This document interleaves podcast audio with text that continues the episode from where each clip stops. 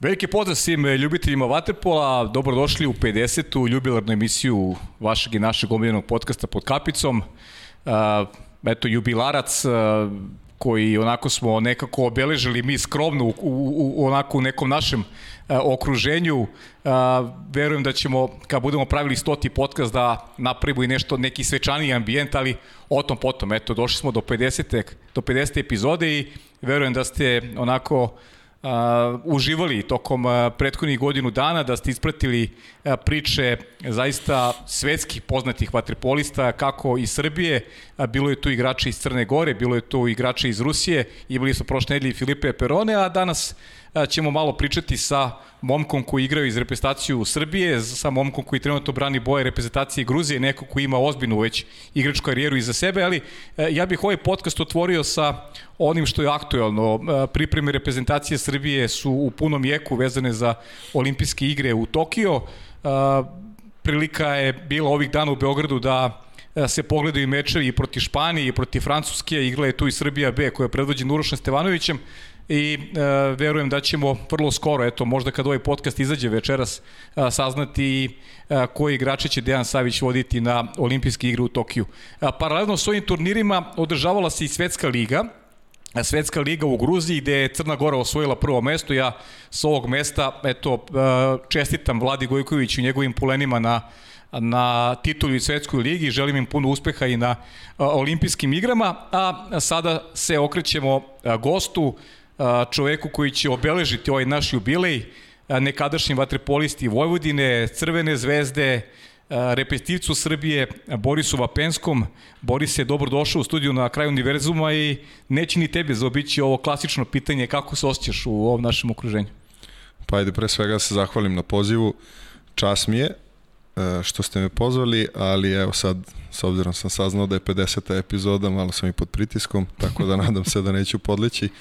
Ovaj, šal na stranu, super vam je atmosfera, lepo je, prijatno s obzirom na napolju plus 40, ovde vam je ekstra. Hvala ti puno na, na lepim rečima, hvala ti na izvojenom vremenu u, u ovo vreme kada ti imaš redku priliku da se malo i odmoriš.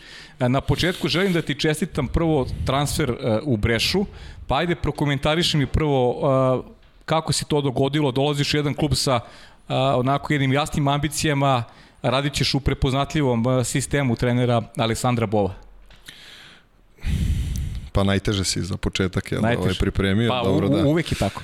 e, komplikovana priča, znaš, uh mhm. -huh. ovaj, ja sam u suštini bio pod ugovorom sa, sa, sa Dinamo iz Tbilisija, međutim tamo je došlo do nekih manjih problema ovaj, finansijskih, tako da sam onda u, negde u dogovoru sa njima bio spreman da, da odem negde ukoliko se pojavi neka ponuda koja bi zadovoljila mene jel da, i, i moju porodicu.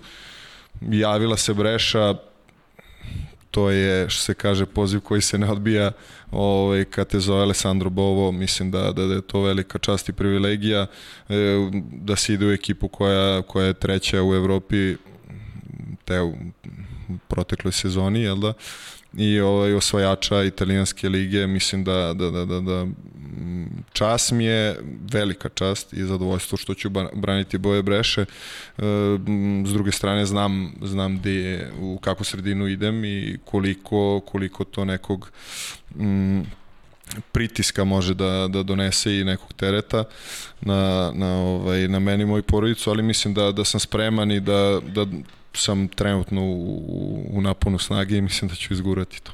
E, pazi, nije, nije lako sigurno zameniti Mara Jokovića, pa kaži mi e, kakvi su ciljevi, si upoznat sa ciljevima ekipe, e, tim koji je pretrpeo određene promene u odnosu na, na prošlu godinu, a vidio sam ovih dana da je potpisao i kanadjanin Bikari, bit ćete vrlo jaki na centarskoj poziciji. Da, da, da, ovaj, pa u suštini zameniti Mara je jako teško, mislim da je, da je čak i nemoguće, a i pritom nas dvojica ni, nikako nismo isti tip igrača, uh mhm. -huh. tako da ovaj, razlika je jedno 15 cm, ja mislim u visini, u rasponu ruka i, i tako dalje, ali ovaj mislim da da da trener Bovo zna šta mu treba u svakom momentu i da da da svaki igrač je tu da se podredi ekipi.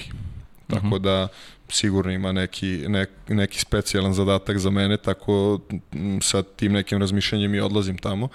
Što se tiče Bikarija, to je evo vest od juče prekiče, tako da mislim da je ovaj da je velika stvar da pored Đoleta Lazića da, da, da će igrati još jedan vrhunski centar u ekipi i mnogo rasteretiti ostale igrače koji su jel da ovaj prošle sezone morali da rade mnogo više stvari, da ulaze kao drugi centri i, i, i da se bore mnogo više. Đole umeđu vremenu e, sazreo ono što sam gledao i, i, i pokazao, pokazao da je, da je ozbiljan centar sa, sa, sa Bikarijem u ekipi mislim da, da će to biti jedan odličan tandem i da će nam mnogo olakšati posao nama s polja.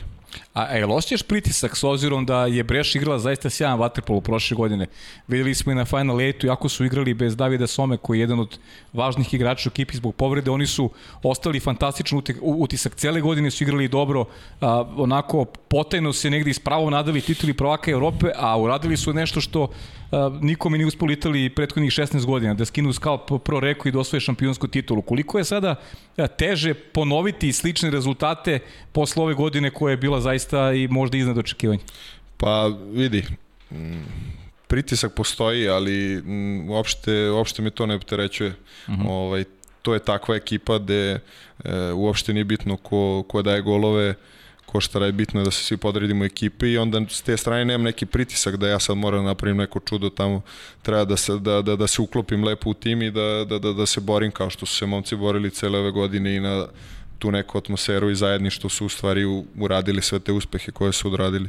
Ovaj, zaboravio sam šta si mi pitao. Pa pitao sam te, da, da pitao sam te za, pitao sam te za... Odlutao sam, odlutao sam. Pa pitao sam da. te za taj pritisak i činjenicu da su ovde u Beogradu bili izuzetno jaki, da su mogli da osvoji titulu prvaka Evrope i da su skinuli Skal Pro reku, što, da. eto, punih 16 godina se, se čeka na tako nešto Jeste, Italiji. posle, posle takve sezone je mnogo, mnogo teže ovaj, da. bilo šta od toga ponoviti i ovaj ostati na vrhu i u stvari mnogo teže nego doći do vrha, Just. tako da mislim da će biti teško, ali nemam neki taj pritisak, ovaj potpuno sam relaksiran i ovaj i, i spreman na sve izazove koje me očekuju. E, ajmo sada na, na, na svetsku ligu. Igrao si za, šira javno zna da nastupaš već par sezona za reprezentaciju Gruzije, Svetska liga, finalni turnir u Tbilisiju. Kako je sve prošlo? Kako si ti zadoljan iz percepcije gruzijskog tima. Znam da ste pobedili Japan, morati priznati da nisam baš onako do kraja ispratio e, šta se pa, dešavalo. Uh, vidi, završili smo posljednji, tako da uh mhm. -huh. moje mišljenje o tome je, ovaj, uh mhm. -huh. nisam zadovoljan naravno. Uh, pobedili smo Japan prvu utakmicu, otvorili dobro ovaj, ceo taj turnir i nekako posle toga imali manje više otvorene karte, da kažemo recimo da smo išli na Kazahstan u tom razigravanju od petog do osmog mesta i gde smo imali otvorene karte, imali tri gola razlike poslednju četvrtinu i izgubili na peterce na kraju. Ovaj, tako da, da, da, da s te strane nisam zadovoljan, mogli smo i morali više da uradimo. Uh, ali e, video sam neke, neke dobre stvari i neki, neki novi klinci su se pojavili u Gruziji koji su mhm. me fascinirali stvarno i mislim da, da, da gruzijski vaterpol ima budućnost i to je ono što me raduje. Rezultat naravno ne može da me raduje kada ovaj, završiš na poslednjem mestu jedan turnir, ovaj, ali mislim da ima na, prostora za napredak i da, da, da, da nije to sad smak sveta, da treba da igramo glavu gore i da probamo na već sledećem evropskom, ako se kvalifikujemo, da, da, mm -hmm. da napravimo neki rezultat. Mm -hmm. Ovo je prvi deo emisije sam zamislio da malo, da malo više pričamo e, o Gruziji, ti nisi jedini e, da kažem stranac u Gruziji, tu su Crnogora Crepulja, je tako? Tu ne, su, nije Crepulja, Crepulja je završio. Završio. Hrvati Jelača i, i, i Elez, ili tako? I oni su... E, Elez isto završio isto ove godine. Završio, da. Tako, Jelača, Jelača je tu, tu, tu je Crnogorac Jovan Sarić. Mm, Jovan Sarić, da, da. on je igrao i za Dinamo. Mada u stvari da. tu mi smo svi Gruzini sad, tako svi da... Gruzini, da, ovaj, dobro, dobro, Tu je Gruzin Sarić, tu je Gruzin uh, Dušan Vasić iz Novog Sada, Dušan Vasić, moj dobro. Gruzin, dobri stari. Uh mhm. -huh. ovaj, uh, šal na stranu, da, ima, ima momak iz Hrvatske, uh mhm. -huh. uh, Marko Jelača, uh, Italijan Fabio Baraldi, Balari, da. Baraldi, uh, Jovan Sarić iz Crne Gore i Dušan Vasić iz Novog Sada, tako da smo ovaj ne znam kako to, kako bi rekao, osim mercenaries, da ovaj, plaćenici, jel da? ovaj, ša, mislim, tako, tako ispada na kraju da. i tako nas uglavnom gledaju svi, ali e, ekipi, ekipi Gruzije, generalno gruzijskom vaterpolu treba, da kažem, da ih neko pogura, jel tako da ti neki mlađi igrači imaju od koga da, da nauče nešto i da vide i da treniraju sa, uh -huh. sa ovaj, boljim igračima. Ne kažem samo za Gruzine, treba svim mladim igračima ovaj, neko stariji, iskusniji da, da, da ih nešto nauči i da im pomogne u tom nekom razvoju. I ovaj i s te strane drago mi je što smo što smo ovaj što smo nas petorica je da tamo i što što pomažemo tim mladim momcima da se razviju kako treba. Tako da ovaj m, to je to što bi mogao da kažem vezano vezano mm -hmm. za, za, za Gruziju. Mm -hmm. e, kaži mi kako je sve krenulo kad si ti u pitanju ovaj ko te je kontaktirao, šta, šta je bio taj neki presudni moment da se opredeliš da, da igraš za, za gruzijski nacionalni tim?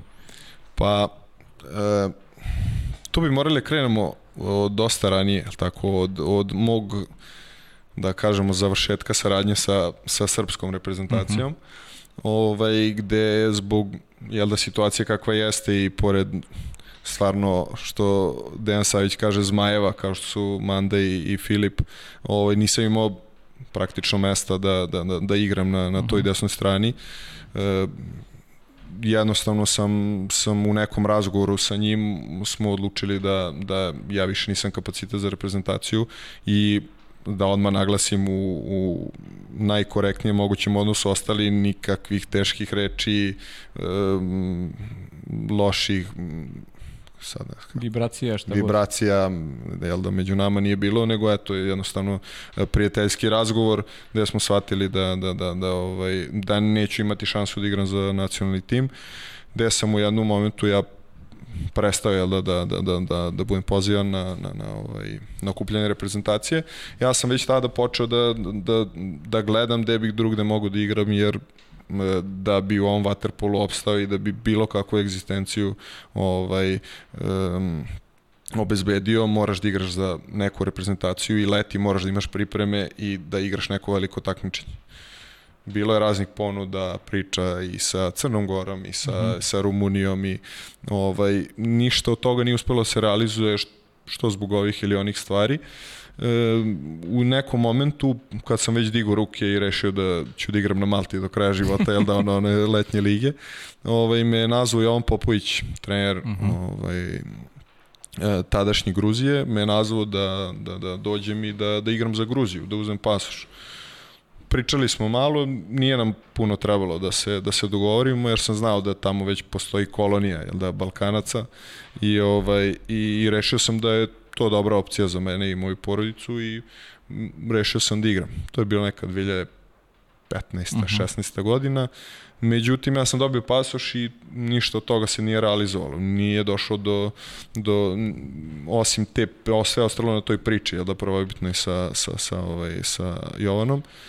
Posle neke dve, tri godine ja sam bio u Ortiđi i dobio sam poziv da na polusezoni dođem u Dinamo iz Pilisija da igram za reprezentaciju ja sam bio malo u nezgodnoj poziciji, jer da, ovaj, jel da ja sam imao ugovor uh, koji je isticao tek sledeće godine i ljudi iz Sirakuze iz Ortiđe, uh mhm. -huh. klub Ortiđe su mi izašli u susret i rekli da je to uh, kažemo životna ponuda i da ja, ja tamo ovaj, da će me pustiti da odem i na tome sam im večno zahvalan i, i dužan jel da, ono što se mhm. kaže do groba izlizano, ali ovaj, e, tako je eto nastalo, malo je, malo je duža priča, ali ovaj, tako je to se počelo i onda, onda se to realizovalo bukvalno u, u mesec dana smo se dogovorili i, ovaj, i pustili su me da italijani da odem i, i od tad sam eto tamo dve i po godine. Ajde da, da, da ne zaborim, pričali smo o tome tja i pre emisije, bilo je malo i onako nepotrebnih negativnih reakcija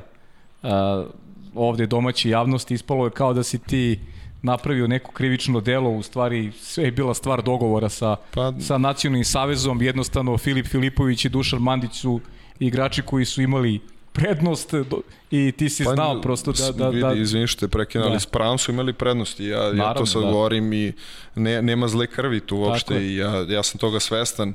Ovaj, sve je bilo u, u međusobnom dogovoru i ja sam jednostavno zbog svoje neke budućnosti i budućnosti svoje porodice odlučio da, da je to najbolje za mene. E, E, krivo mi je što je ispalo sve kako je ispalo i da su interpretirali tako kako su interpretirali, jer ja ne mislim da sam izdu Srbiju i da sam, ja sam i dalje Srbin, ja se osjećam kao Srbin i mislim da radim e, mnogo više za Srbiju, mislili oni to ili ne, baš isti ti koji su me pljuvali, ovaj, mislim da radim i ako igram za Gruziju, Waterpolo, tako da ne mogu da dozvolim i to me je dosta pogodilo što, što sam predstavljen kao izdajnik i ne znam kakvi senzacionalistički naslovi su se mhm. pisali Pritom sam mislio da, da ovaj, nikog nije ni briga do duše, ni za vaterpolo, ni za ti isti koja nije ni briga za vaterpolo su i pisali takve stvari.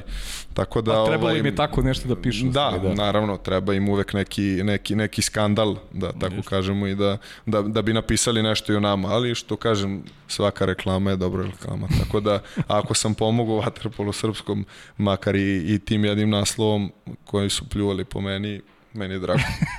A kaži mi, kad smo kod Gruzije, kakav je, kak, na kom je nivo vaterpolo u Gruziji? Realno imamo malo informacija i zato sam nekako ovaj prvi segment odvojio baš uh, za to. Koliko se ulaže u, u, u vaterpolo, e, kakva je liga, koliko klubova broji liga? Pa, pa i sad moram budem pažljiv, dosta, ajde, pošto Ovaj, ja sam otišao iz Dinama, ali igram i dalje za reprezentaciju, znači moram paziti šta ću kažem. Ovaj, e, morat ću budem iskren. Znači, ajde. liga je jako loša, na jako mhm. lošem nivou uh mhm. -huh. i, i ovaj, izvinjavam se, da, ovaj, mislim da je, mislim da, da, da, da ima prostora mnogo, mhm. prostora uh -huh. za napredak. Ovaj, postoji nekih, pa ni ja nisam siguran, 5-6 klubova.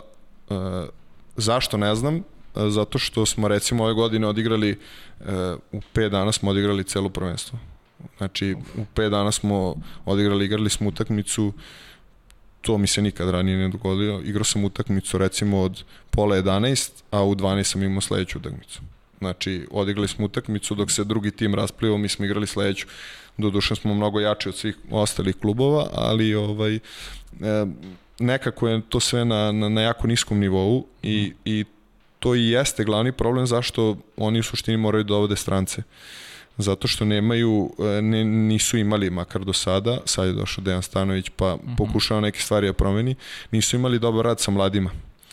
I dešava se da su neki igrači tu od 15. 16. godine igraju do 37. 8 E, na jako niskom nivou i da samim time što su oni tu i imaju jel da, neko, da kažeš ime u, u gruzijskom vaterpolu, e, sputavaju neke mlađe igrače koji ne mogu da se dokažu, nemaju ni od koga da uče, treniraju mm. jednom dnevno, što je ono neverovatna stvar i neverovatan podatak i oni s obzirom i na to kako treniraju i koliko i koliko imaju termina uopšte za treninge, mislim da su oni još i dobri. Zato što mm -hmm. e, mi smo kao da pokušam da objasnim, mi smo bili e, Dinamo, Tbilisi, ali ujedno i reprezentacija. Znači, e, ista ekipa je bila Dinamo i reprezentacija.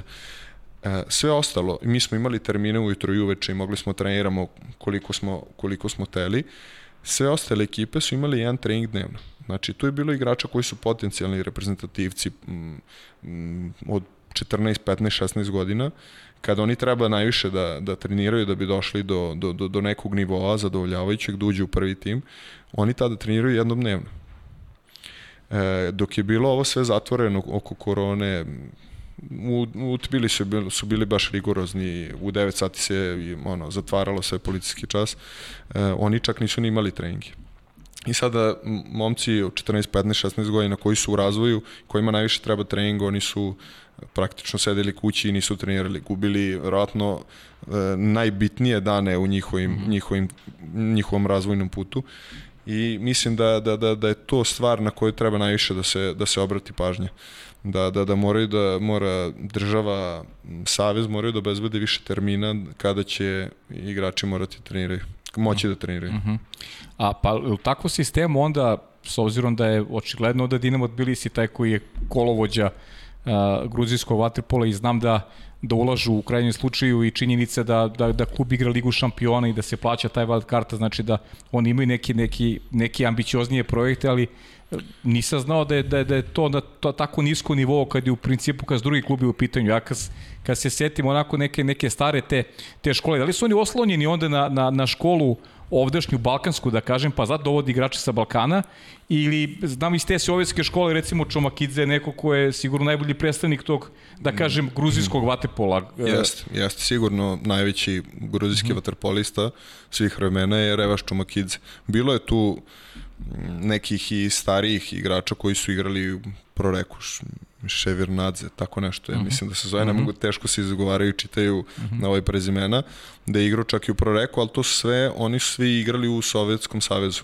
Uh -huh. I, I niko od njih nije, nije došao tu zato što je gruzijski vaterpolo bio toliko dobar. Svi su oni na kraju odabrali Sovjetski savez, jel tako, na kraju da nastupaju za njih.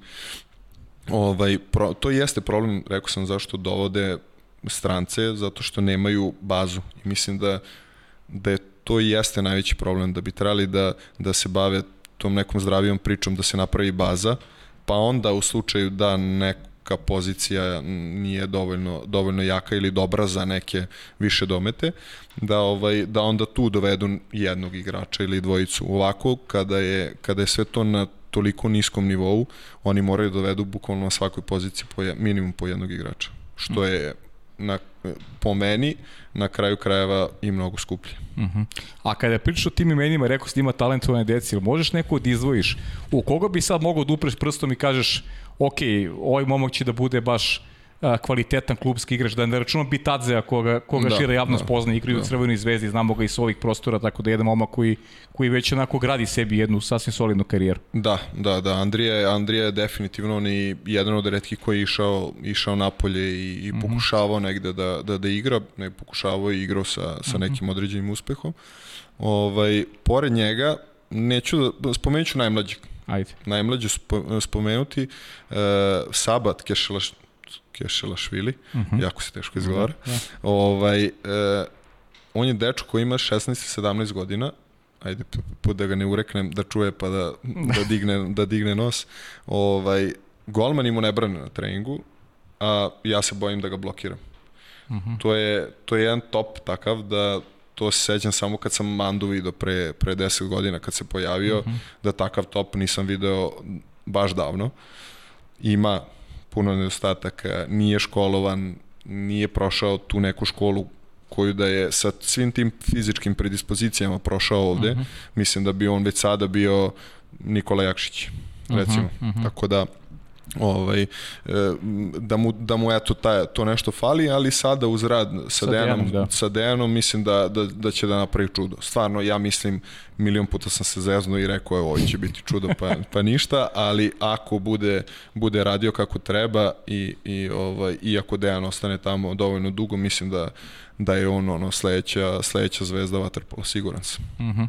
Pa dobro, znači i rad tamo, a možda i sasvim sigurno da on je prođe da pređe negde on je, u, on je još on ima 16 17 da. godina, on i ne može da ode nigde, pa, da se razumemo, je. Mm. tako bez roditelja, tako Jest. da je još rano pričati o tome, ali rad sa Dejanom, ovo za šest meseci koliko je on tamo i koliko su napredovali svi ti mlađi je očigledno. Znači, mm -hmm. bez obzira što mi nismo imali ovaj rezultat koji smo želeli, jel da? Mm -hmm. Ovaj napredak je ono Sjaj. stelaran, tako da, mm -hmm. da ovaj, mislim da bez obzira šta god igrali, ako bude samo trenirao sa Dejanom, mislim da, da, da će napraviti čudo. Mm -hmm. 17 godina igrao je svetsku ligu sa Crnom Gorom, sa, sa, sa Francuskom, sa ne znam, opa, Ligu ovaj, šampiona. E, Ligu šampiona igrao, ali to je igrao pred kraj ga negde ovaj, mhm. priključio kad je video ovaj, mislim, i to je to je kuriozitet, on je e, kad gledaš sa strane, ne moraš da budeš neki veliki stručnjak da bi video da to dete neko tamo ima 2-5 i da razbija golove, -huh. Ne moraš da budeš neki veliki stručnjak da vidiš da, da možda treba ga priključiš nekoj starijoj ekipi pa da nešto nauči.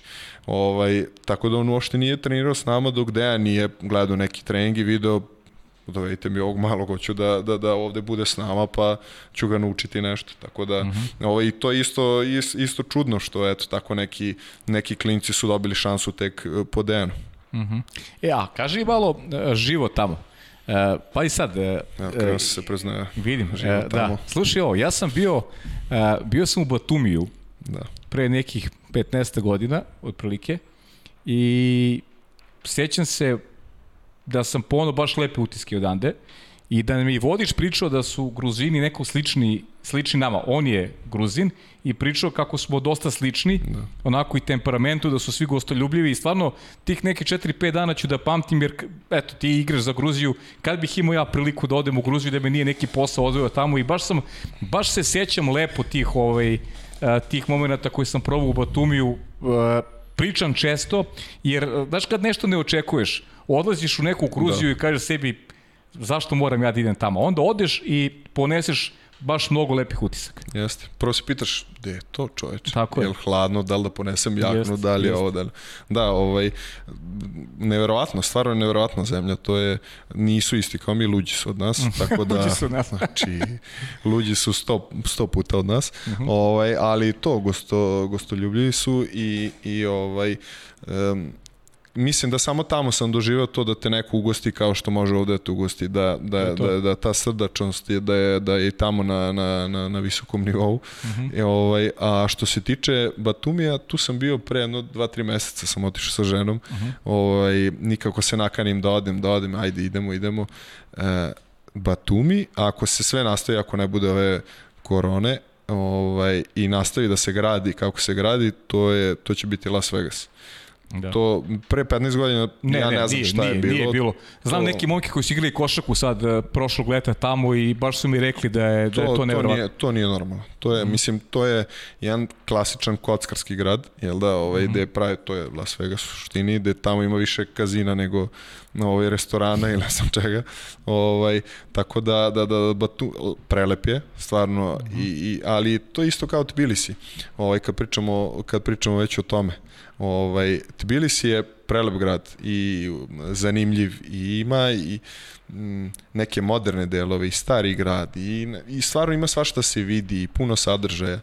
A onda ima tako delova gde e, sam se dva, tri puta uplašio kad sam ušao u te delove. Uh mhm. -huh. Mislim, to je jedan od najsigurnijih gradova na svetu.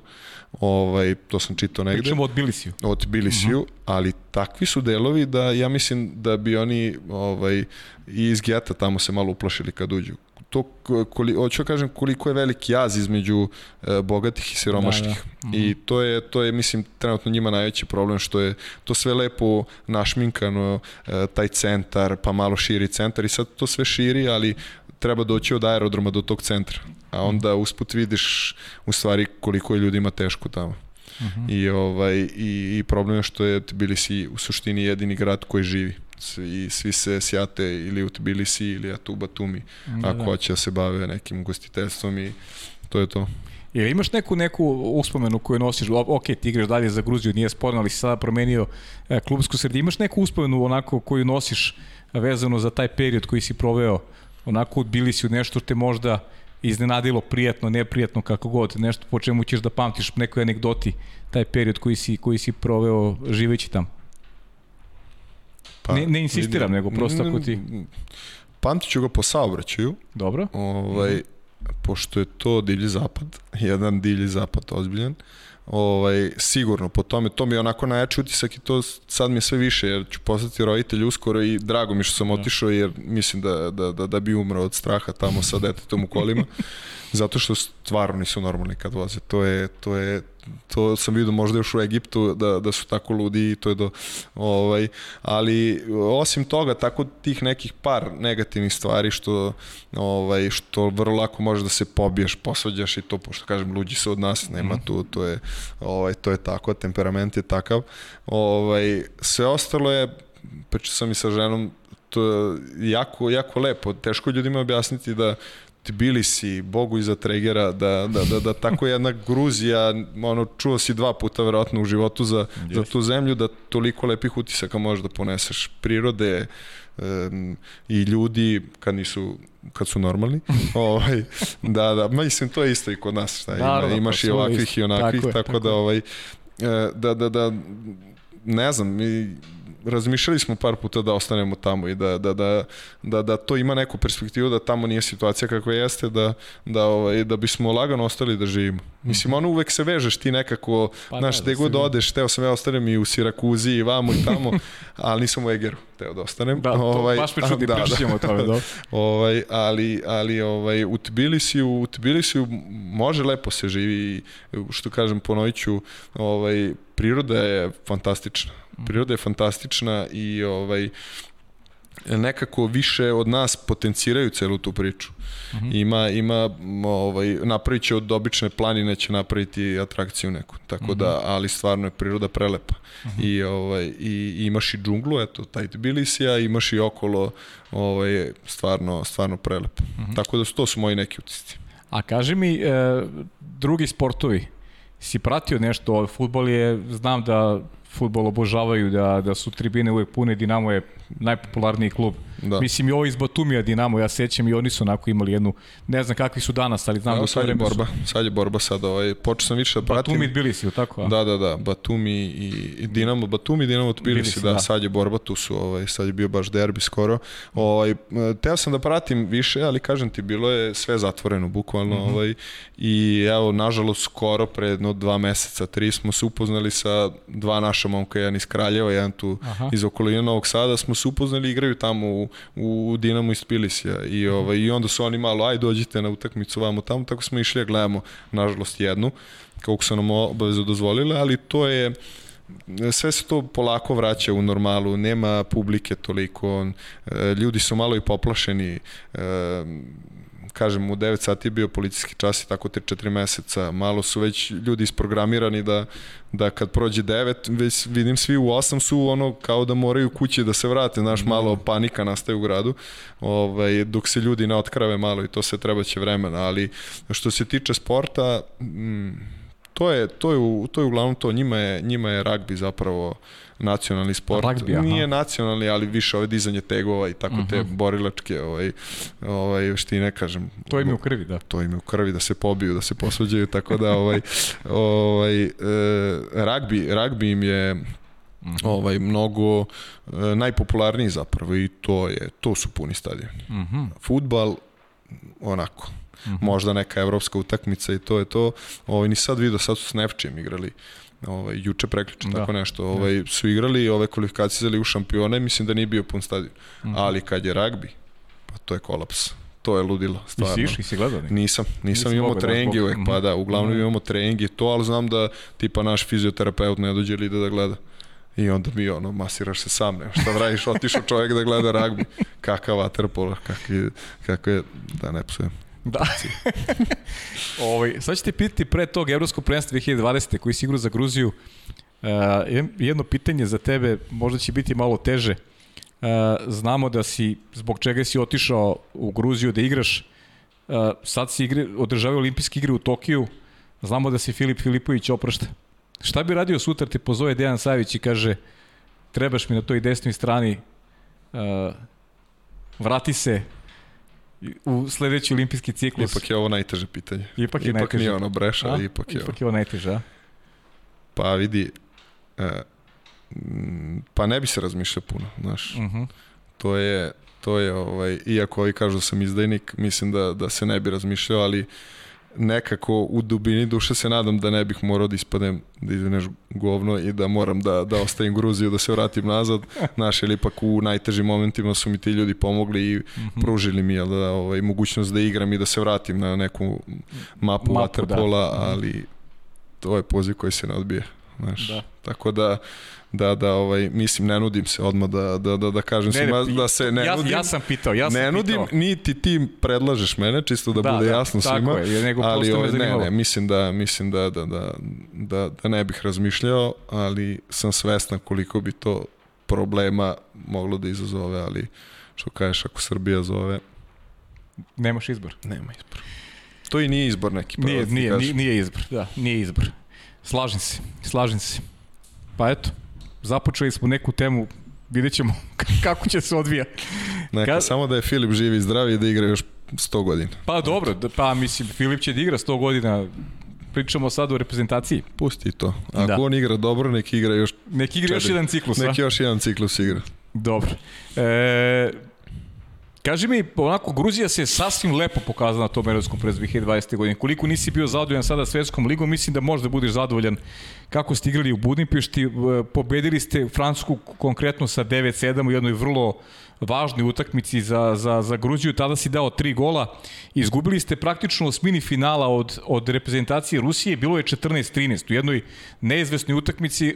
Gruzija je vrlo lako mogla dođe do, do četvr finala, a to je ruski tim koji je počeo se gradi ruski tim, znamo da Maltene nema jake evropske ekipe, a da nema nekog ruskog igrača. Rusi koji su mnogo napredovali posljednjih deseta godina.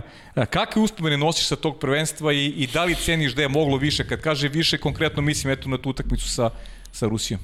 E, pa, da, to, to prvenstvo je bilo stvarno ovaj, počelo odlično za nas. Imali smo Pa prva utakmica, ja mislim da prva utakmica na prvenstvu nam je bila sa Francuskom. Sa Francuskom, da. I, I mi smo, čim smo ovaj, čuli, videli izlačenje, uh, Ovaj, mislili smo, a mogli smo možda i bolje prođemo, Francuska je jedna, jedna ozbiljna ekipa, do duši isto u građenju u tom momentu.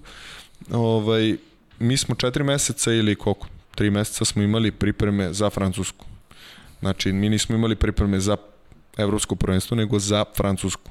I mislim da smo spremili mi smo u svakom momentu znali šta francuska ekipa može da uradi i, ili šta ne može i šta mi treba da uradimo da bismo ih pobedili.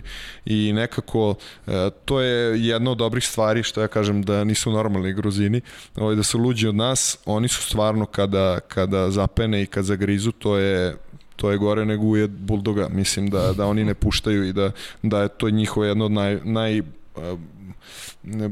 boljih stvari koje oni imaju u sebi da ovaj da, da, da se jako lako motivišu i, i kad se motivišu onda je bolje da im nisi na putu. Tako da ovaj zahvaljujući eto tome jel da tim pripremamo tri meseca za, za jednu utakmicu i njihovom željom uz, uz da kažem eto nas par stranaca uspeli smo da, da, da odradimo ono zbog čega smo došli. Mm -hmm. problem je bio što mi nismo imali plan šta posle toga. Mm -hmm i mi smo sve ostale utakmice ono ajde da vidimo ovo šta ćemo ovo šta ćemo ono ošte nismo imali u, u glavi e, pa možda mi ako to pobedimo pa mi onda idemo na ne znam koga idemo na ove idemo na one. Desilo se idemo na Rusiju koja je bila u tom momentu najslabiji protivnik kog smo mogli da dobijemo jel da u, u, u, u osmini finala. U osmini finala osmini da. Final, pa da. Da i poznat ti je možda ovaj odnos Gruzija Rusija da da to baš je Zna, onako da, ne, da, je, ne. da je da je zategnut dosta mm -hmm. i eto ovaj reći i to da sam ja pred utakmicu ovaj, nismo imali neku veliku taktiku, niti, niti smo mi tu sad nešto veliko ni vežbali ni radili, ali sam ja pred utakmicu smo izašli nešto u hodnik, ono neko dranje, ne znam šta u hotelu, šta je ovo, ono, slušaju muziku, Gruzini rade sklekove po, po, po, po, hodniku, ono, napaljeni su u fulu i kažu idemo u rat. Ja gledam, kakav rat, ljudi, šta vam je, daj smirite se. Ono nije počelo, to je bilo popodne, Mi imamo do utakmice još 3-4 sata, oni su već krenuli, oni da je tad počela utakmica, ja mislim da bi oni nekom grkljem pokidali. To nije normalno, jer ako smirite se ljudi, pa ne, ne dobija se utakmica ova tako, mislim, treba da, da budete ovaj, i motivisani i sve, ali polako moramo i nešto odigrati. Taktički ne, da odigramo nešto, da. Nije sve u tome, ajde stisneš, pa hoću ja da stisnem i Srbiju, ali ćemo izgubiti 15 razlike, mislim, šta sad, ne, ne možeš, ovaj, pa ne možeš. Ovaj, tako da smo mi više to na srce igrali. Ono, tako i počela utakmica gde se vide očigledna, očigledna razlika u kvalitetu, gde ovaj, e, malo su i golmani zatajali, imali smo problem, ušlo je sve što su šutnuli, ne, ne, ne bežim od odgovornosti, ja sam imao dva gola sam primio bliži ugao, sve se otvorilo tako nekako kao da, da, da će da bude onaj ovaj raspad sistema, ali eto, je, to je bukvalno na, na tu njihovo ludilo, mm -hmm. ovaj, gde su i nas motivisali maksimalno, gde smo i mi onda krenuli da grizemo i došli eto do, do tog nekog rezultata, ali kogu god da je taj rezultat 14 13 13 12 nisi siguran. 14 13 dobro. Koliko god da je da je da je, da je ovaj to iz, bilo gusto to nije bilo uopšte toliko gusto. Nismo mi bili uopšte u u nekoj priči da mm -hmm. pobedimo. Ovaj nažalost ali eto ovaj hteli smo shvatili smo u tom momentu što je u stvari bilo još još bolje za za za za nas strance, jel da? Jer su oni shvatili, e, dobro je, tu smo blizu, ajde još nekog da dovedemo i, i ovaj, napravit ćemo neki rezultat. Uh mhm. -huh. ovaj, tako da, da, da, eto, sad imamo dva nova naturalizovana igrača, tako da... Ovaj, Koje? Pa Sarić i, a, i Vasić, a, oni, oni, oni su novi. Oni će od ja mislim od decembra stiču pravo da, da igraju za, uh -huh. za mhm. reprezentaciju, tako da ovaj sa njima smo onda još jedan, jedan stepenik iznad i mislim da, da ćemo onda biti konkurentni sa, sa tim ekipama, ne pričam sad o najvišim dometima, ali o onome što je u suštini i cilj Gruzija, to je 8 ili 7 ovaj, prvih u Evropi da se kvalifikujem na svetsko prvenstvo, da se odije jel da, istorijski prvi put na, na svetsko prvenstvo, tako da, da to je neki cilj i naravno ove igre u Parizu. Mhm. Dobro, sad si mi rekao ciljevima, to sam teo da ti pitam između ostaloga. Aj mi sad da zaključimo tu priču vezano za, za Gruziju, samo taj feeling neki 2020. E, to je neko prvo veliko takmičenje u suštini ako se ne varam, da se ti susrećeš i sa dojučerašnjim kolegama iz Srbije, da si ti u nekim mm. obeležima Gruzije, Gruzije, oni su obeležima Srbije. Kakav je, kakav je feeling? Je bilo tu nekih zadirkivanja? Pa, pazi, znaš kako, vidio sam se jedino sa pardon, sa, sa, sa Ćuletom, sa Miloš Ćukom, ovaj, zato što oni bili u drugom hotelu. Uh mhm. -huh. e, bili smo na onom uh, Margaret Island, Margit Cigetu uh mhm. -huh. i ovaj i bilo je dva hotela i oni i Španci su bili u ovom drugom, a svi mi ostali Buranija smo bili u, u ovom u nekom drugom hotelu. Tako da ih nisam sretao svakodnevno. Uh mhm. -huh. Sreća inače bi mi vjerojatno ovaj ovaj zadirkivali, ajde da kažemo zadirkivali. Uh -huh. Ovaj ali ovaj tako da nije nije toga bilo. Ono par puta smo sreli na bazenu i ovaj, ispozdravljali, malo ispričali koliko smo mogli, jer smo bili ono stalno u tranzitu i to žurili vamo tamo. Ovaj, tako da ne nije bilo. Bilo je čudno igrati na velikom takmičenju pod, pod drugom zastavom, znaš, i drugim obeležima, ali ovaj u isto vreme u, onako uzbuljo, to je bilo tačno 10 godina posle, posle Zagreba kad sam igrao poslednje, ono, poslednje veliko takmičenje za, za Srbiju i ovaj, bilo je čudno, ali isto vreme i lepo vratiti se na tu scenu i videti i igrati protiv takvih igrača i ovaj, najboljih ekipa jel da, na, na, na, na svetu u suštini. Uh mhm. -huh. Aj kad si već ovaj, pričao o kumu Ćuletu, da, da čujemo prvo pitanje ovaj za danas. Pozdrav svim gledalcima sport kluba, pozdrav tebi Pajo, pozdrav mom kumu. Imam samo jedno kratko pitanje za njega. E, ako može i ako se seća, e, šta mu je otpevala cela ekipa posle njegovog poslednjeg nastupa ispostavit će se u reprezentaciji. Pa ako može da nam kaže kako je glasio tekst te pesme. Veliki pozdrav i vidimo se. Kako je to đubre. ovaj, da. Ovo je otvara novu temu, ali ovaj, nije bila poslednja. Posle toga, kad je, kad je Deki Savić preuzeo, ja sam imao još jednu neku svetsku ligu, ja mislim, protiv mhm. Španije. 2013. recimo. Ali ovaj, da, bila je pesma jer sam napravio eksces budalaštinu i ovaj, i, i gdje sam već znao da više neću igrati za reprezentaciju u suštini zbog gluposti koje sam napravio. Išla je pesma, ne znam kako ide, uh, ostaće pesma i uspomena poslednjeg boema, a oni su pevali ostaće pesma i uspomena na debelo kretena. Tako da, ostaće mi, da, da, da, ovaj, Tako da je to, to je, to je, to mi je urezano. Da, da, da, ali evo, drago mi što me podsjetio. Hvala ti kume, pa, pa, puno. Pa, čudi me, čudi me da te kum podsjetio. Kako ja nisam imao ovu, ovu privilegiju da njemu postavim nešto je više. Sledeći put kad bude bio gost, ovaj, Obavez. tebe zovem, Obavez. ti će da postavljaš sva pitanja. Ti će da vodiš emisiju sledeći e, put. To, to, to. Tamo ću sedim i samo da dobacujem. To, to, to. Dogovorili smo se. E, e, sad, sad ću da te vratim malo, Borise, u, u detinstvo. Priča o velikoj Vojvodini, zaista veliki klub, iznedrio mnogo... To loše zvuči. Pa dobro, veliki. Velika Vojvodina. Jeste, pa mislim možda ne zvuči sada dobro, ali kad pogledaš igrače koji iznedrila, ja volim da onako u Vojvodinu stajem na, da ovako na, na mesto koje zaslužuje po tome ko je sve ponikao tamo. Izvinim, samo mislio sam zbog velike Albanije, velike Vojvodine. A to, a mislim, da, ti si sad prešao da, politički, ne, ne, ja da, pričam, pričam o Vatrpolo klubu. To mi je jasno, klubu. nego da ne da, bude, da, da. neko ne shvati pogrešno. Da. Bravo, da, dobro si rekao, pazi, ispad, da, ispadnem ja posle ovaj, upravo. Da bude, da smo... Hvala. Ovaj. Hvala, hvala, bravo, Le, lepo si me, lepo si me vratio. Velika Vojvodina, mislim na Vatrpolo, na Vatrpolo klub, naravno mnogo dobrih igrača e, koje je iznedrila. Šta je tvoja istina? Kako i, i zašto Vatrpolo? Pa prosta istina. Zašto vaterpolo? Zato što je bio jeftiniji od futbala. Aha. Zato što sam, ovaj, zato što ne znam koliko je bilo članarina za futbal nešto. Naravno, kao svaki klinac sam teo treniram. si teo fudbal da, trenaš? teo futbal da budem golman. Ovaj, Mhm. Pošto nisam baš po gabaritima, nisam baš mogao igram ništa drugo osim da budem na golu i to, Mhm. i to sam voleo. I dan danas kada ovaj, kada obaveze dozvoljavaju, volim da odem na mali futbal, da, da branim malo. I, ovaj, e, želeo sam futbal, bila neka zima, sine, nemoj da tamo se razboliš, hladno je, ajde na bazen, tamo članarina verovatno duplo jeftinija. I, ovaj, tako sam krenuo i, ovaj, i ne znam kako, zašto, posle ono, je verovatno zato što deci naprave koje počinju, tako je makar bilo, naprave da bude zanimljivo, daju loptu vamo tamo i ja već posle drugog, trećeg treninga sam bio to je to, sviđa mi se. Ono, zanimljivo ima lopta, da su me terali tamo, plivam gore dole, verovatno bi ovaj, batalio. A i znao sam već da plivam, pošto smo na, na ovaj, svake godine išli u, u, u Meljine, tamo pored Herceg Novog, imamo kuću, pa smo išli na, na, na more svake godine. Ja sam znao odlično da plivam, tako da, ovaj, da je nekako tu je mogla da me upiše, nisam ni za košarku, em sam kratak, em ovaj, za futbal nisam, jel da, po gabaritima.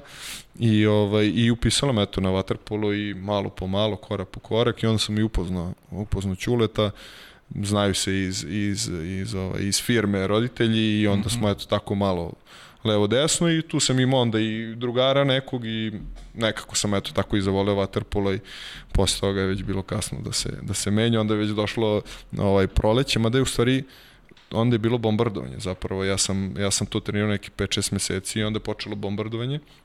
98. do, eto, do, do marta i tu sam onda imao pauzu neku, međutim posle toga sam isto nastavio i, i ovaj, ne znam kako i zašto, ali i onda se nastavilo i posle se sve to išlo na, na, na neki viši nivo i ozbiljniji ovaj, što kažeš velika Vojvodina ovaj, pa da, da, jeste. da, je mnogo, mnogo uticala na to da e, mnogo, bila je zdrava priča i, i, i, ovaj, i ljudi, ljudi u klubu imali smo eto možda i sreću tu neku da smo imali dobre trenere u mlađim generacijama da je meni ne znam 2002. mi je već Stanović bio ovaj trener on je i relativno mlad krenuo da, da se bavi time i imao je entuzijazam i neku želju da, da, da, da, ovaj, da nas nauči nečemu. Da li je to vaterpolo, da su to neke ovaj, stvari van vaterpola, ali da, da, da nas vodi i onda su se menjali treneri razni, ali uglavnom smo imali i imali smo dobru saradnju sa trenerima i bili su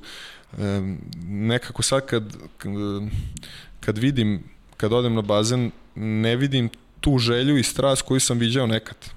I to mi je to mi je jako krivo zbog toga da da da možda treneri novi nemaju da zbog stanja u jel da u, u državi u vaterpolu da da nemaju da nemaju tu neku želju entuzijazam da uče uče te neke ovaj mlađi igrače da da da vaterpolu lepom ponašanju e, nekim nekim drugim životnim stvarima nebitno nećemo mi svi biti vrhunski vaterpolisti ali da da da da ne uče deca od malena da je sve sivo da ništa ne valja da da da je ovo ovako ili onako nego im se treba ne, treba im neku taj sport treba da im bude e, e, prozor u neki drugi bolji svet jel da ovaj i i ovaj i odrastanje tako da zbog toga mi je malo krivo ali eto mi smo imali sreću da da smo stvarno imali ovaj trenere ponekad malo i previše ovaj e, zagrižene ovaj pa smo dobijali malo i štopericama i tako dalje ali sve u svrhu da da da da ovaj da u svrhu toga da mi postanemo i bolji ljudi i bolji bolji sportisti Pa dobro, verovatno i danas malo i to materijalno je važnije nego što je bilo nekada. Znaš, ti treneri ranije su znali da se odriči mnogo toga, imali su tu ljubav, strast prema onome što rade, pa i taj neki materijalni moment misle da nije bio toliko naglašen kao što je kao što kao što je to danas slučaj, a? To pa Imate mislim mislim da da je to glavni razlog da da da trener koji ne prima 6-7 meseci platu da da sigurno ne može da radi sa istim ovaj entuzijazmom, da, ali opet s druge strane to to, to će mi ostati urezan uvek, da e, to nije e, fabrika, to nije ne znam, pekara, pa ako sad ne ispečeš dovoljno hleba, da ovaj da sutra možda ispečeš više pa će ne znam šta da mhm. bude. Ovo su e, deca koju treba učiti ti sad ako imaš e, kako ti treneri ne rade kako treba i propuste najbitniji ovaj deo u razvoju nekog, nekog klinca, to je onda ozbiljan problem koji ne možeš da nadoknadiš. Znači ne mhm. možeš da dopečeš hleba, ne možeš da proizvedeš mleka ili bilo koji drugih stvari, to su e, to su ljudi, to su, to su deca sa kojima mora se radi konstantno. I primati pare, ne primati pare, e, mislim da je pošteniji da odeš iz svega toga nego da, da, ovaj, da to onako odrađuješ da. i da, i mm. da uskraćuješ detetu šansu da se razvije isto kao neko, neko dete u, ne znam, Hrvatskoj ili Crnoj Gori gde treneri primaju redovnu platu pa imaju ovaj želju da rade sa, sa decom. Tako da smo mi što iz toga tiče bili ovaj, ovaj, dosta, imali dosta sreće da smo, da smo ovaj, da, da smo njih imali i da, da, da su nas vodili nekako ovaj, na pravi put. Uh -huh. e, slušaj, Marina dok je bila, dok je radila sa mnom, mislim, mi smo nekako i pokrenuli ovaj podcast, ali naša najvažnija sarnica Aleksandra Milošić je tu i dalje i sad pazi, ona uvek ima seriju fenomenalnih pitanja i, i evo pitanje, nadovezujemo se na taj početak, kaže, možda objasniš kako levoruki vatripolista, a van vode desnoruk? Aha. Da li je tačno da pišeš, jedeš, igraš košarku istina. desnom rukom? Istina, istina. Mislim, igram košarku. To je... Pa dobro, igraš, igram. ne znam, basket neki. Bacam loptu tamo, Bacaš pa šta ali, ali bacaš desnom. Da, da, da, da. Šutiram desnom nogom. Sve, bukvalno sve radim desnom, ovaj, desnom stranom tela, je tako? Uh mhm. -huh. Čak mislim i one osnovne stvari, ne znam, evo, uzimam čašu, uzimam desnom rukom. Desnom da. rukom. Evo sad.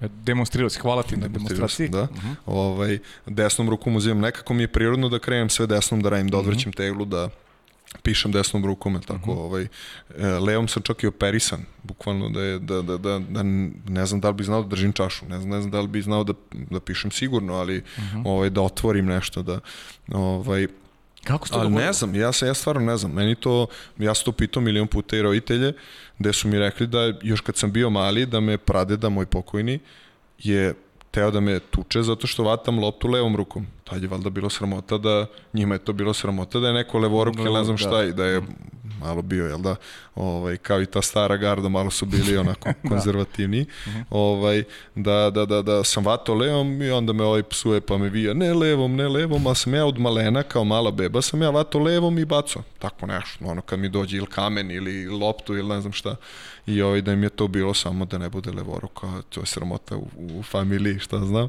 ali ovaj, stvarno sve sam radio desnom i onda eto, otišao sam na vaterpolo slučajno i da, levom rukom i ne znam, mislim, ja sam presrećan što je to tako, nema nas mnogo i onda mnogo je lakše nekako e, da se... E, to te da, pitam, da... koliko je dečacima i devojčicama lakše e, pričao sad o Waterpolu, uh, levorukih ima, ima manje. I, ili vam je lakše da se probijete? E, opet s druge strane, da li je možda pritisak na vas veći?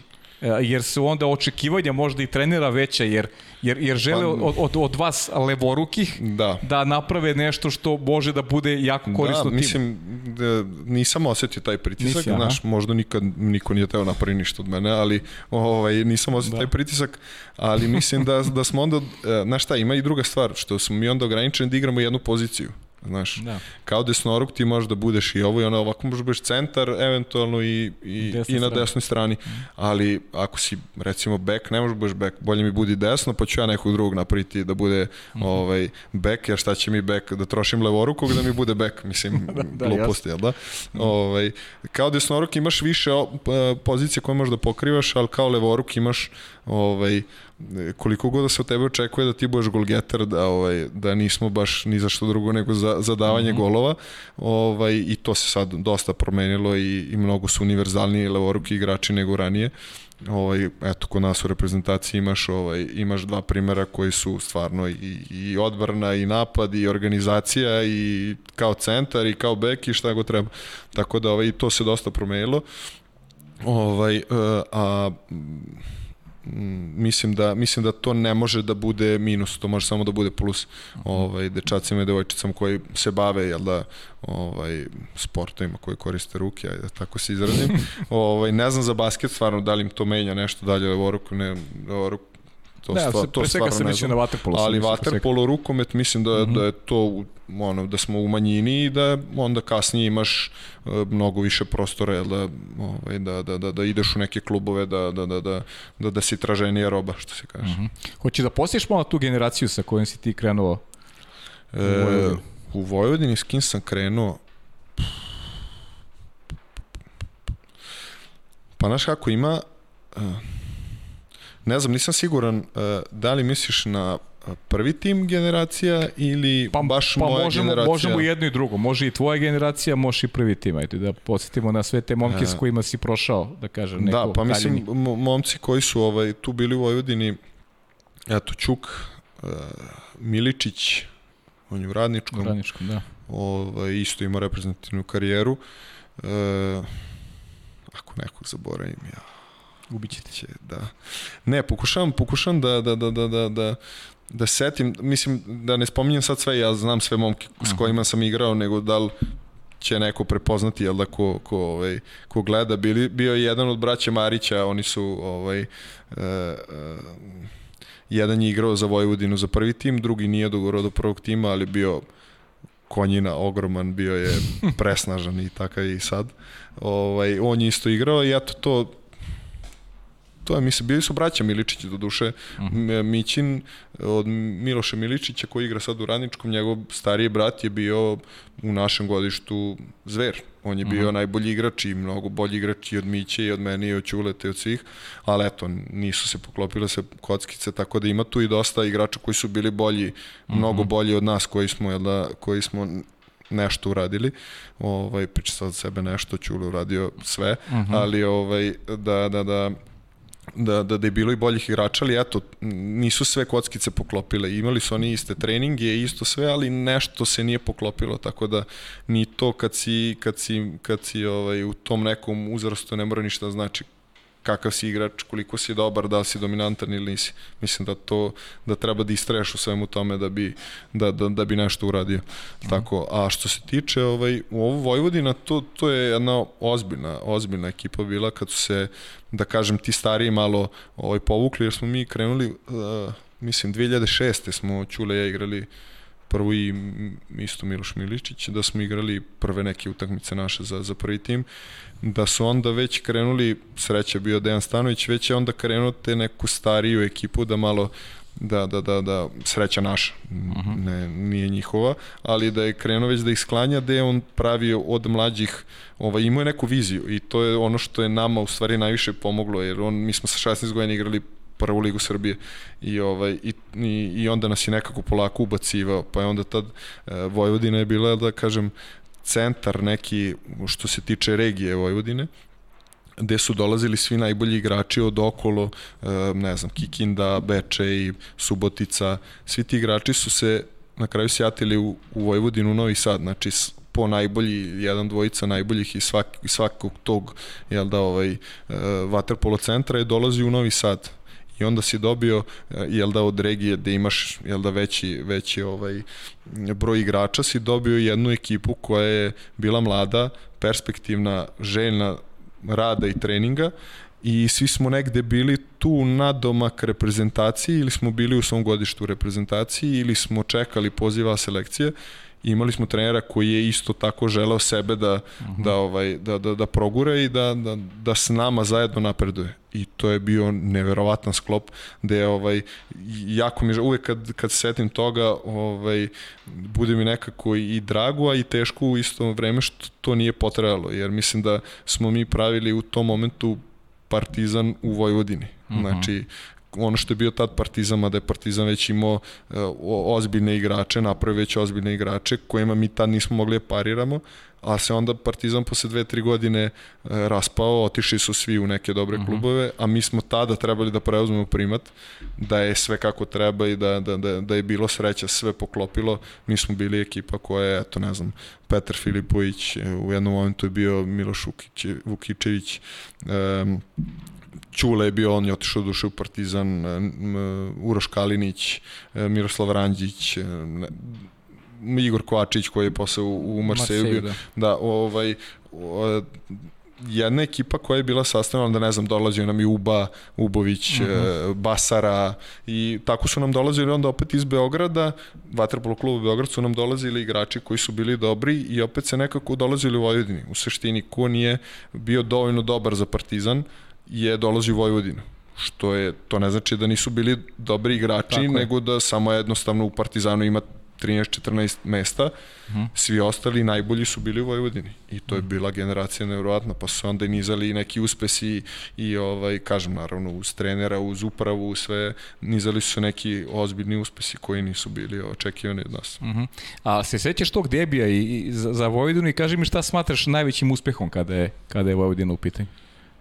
Debija se sećam, bio, igrali smo, ja mislim, protiv Partizana, uh -huh. Dače igrao tada u Partizanu, koji je moj idol bio, jel da? Ovaj, da zato sam i počeo da nosi šesticu. Broj šest, da, da. Da, i, ovaj, i sad samo sam na, na banjici smo igrali i trebao sam da usko ovime, pustio me Kolja Lazor da igram i ja sam zapeo i okliznuo se i pao preko staze i preko onoga sve. Prvo, i onda sam čuo samo kako se smeju svi kad sam izronio.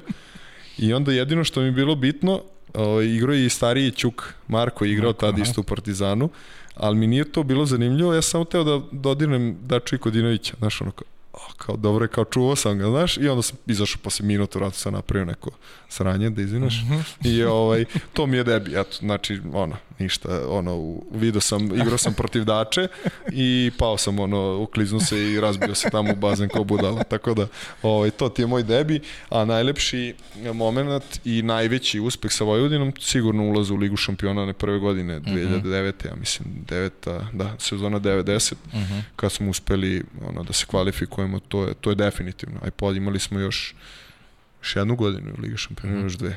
A su to prvi susreti, ozbiljni susreti sa, sa, sa, sa da kažem, pravim vaterpolom, sa, sa najjačim ekipama? Pa, jesu u suštini. To mhm. je te 2009. Mada 2009. ja mislim da sam već bio poznan za, za A selekciju. Pričamo sad o klubskom. Ne, zato, da. zato mhm. mislim ono za, da, ali u suštini što se tiče tog klubskog nekog nivoa, da, da mi je to prvi ono uh mhm. -huh. susret, iako sam se već susretao s nekim jakim igračima da. i ovaj i u suštini ti si imao eh, naj, jedno od najboljih evropskih ekipa si imao u svojoj ligi, Partizan. Uh mhm. -huh. Tako da mi smo igrali s Partizanom, nije da mi nismo igrali, nisam, mi smo igrali s Partizanom koji nam je bio najbolji ovaj reper, gde smo mi u tom momentu. Mm -hmm. Tako je onda posle kad dođe, ne znam, Vuljak Meni, Spartak Volgograd, lakše da igraš kad si vamo igrao sa najboljima, uh -huh. i onda dođeš s njima da igraš, već imaš neko iskustvo i ne znam šta, tako da nama je Partizan dosta pomogao što je u tom momentu bio toliko jak koliko jeste. Uh -huh. E sad ovako, ovaj, mnogi iz Vojvodine nekako put su imali iz Vojvodine ideš u Partizan i to je manje više 90% igrača koje, evo i sad i gledamo na ovoj najvećoj repestivnoj sceni su iz Vojvodine ponikli i došli u Partizan i stariji poput poput, ne znam, Isora recimo, Just. ali ti si 2012. godine e, imao malo drugačiji put. Ti si prešao iz Vojvodine u Crvenu zvezdu. Ko je kriv osim, osim tvoje te navijačke pripadnosti? Ko je kriv što je Zvezda bila izbor te 2012. Pa, mislim, nemam pojma. Pa ne, ne, ne mogu da krivim nikog, zato što Aha. mi to je jedna od najlepših stvari koja mi se dogodila, tako da onda... Kriv po znacima Pa znam, znam, ali ne uopšte neću da koristim, to krive neko, Aha, da, pošto mi je dobro. toliko taj period drag i, ovaj, i urezan evo, u lepom u, Imamo lepu tu i kapicu, kapicu tvoju baš i zvezde. Desetka. Da, da, mislim da je to sa, sa finala tamo Lige šampiona. Uh mhm. -huh. Uglavnom, ovaj, da e, ne znam, to, to se sve otvorilo slučajno. Ja uopšte nisam imao klub, ništa. Uh -huh. ne, mislim da to avgust bio neki čak sam bio na brodu negde u Crnoj Gori, nešto tako sve sa društvom, onako sve lađe potonule, bukvalno kao neka filmska priča, ovaj, digo ruke sve od svega i ne znam šta ću, svoje godine sam završio ugovor. Tačno, je tačno da si razmišljao u tom periodu pa to, da to je bilo, karijeru? To je bilo to, nisam, ono, nisam teo da idem preko za, ono, za kikiriki što se da. kaže da. i ovaj nisam se vidio u tome bio sam u fazonu bolje da ostanem da ostanem ovaj u Srbiji da nešto radim ne znam šta tad još mi nije bilo kasno za školu jel da, da budem ovaj pošto sam bio ok manje više u školi uh mhm. -huh. da ovaj da da se time da ovaj nešto da time da se bavim da učim školu šta znam i onda me nazvao Viktor ja mislim uh -huh. da me mhm. prvo Viktor nazvao ili Andrija prvo i ovaj i rekli su mi je bi ti došao Ja sam rekao, pa došao bih.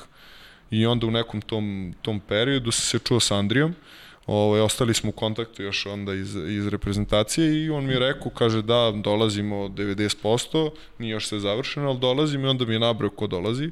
On, uh, ovaj, Dule, Rađen. Rađen, Dule i, i, i Šele.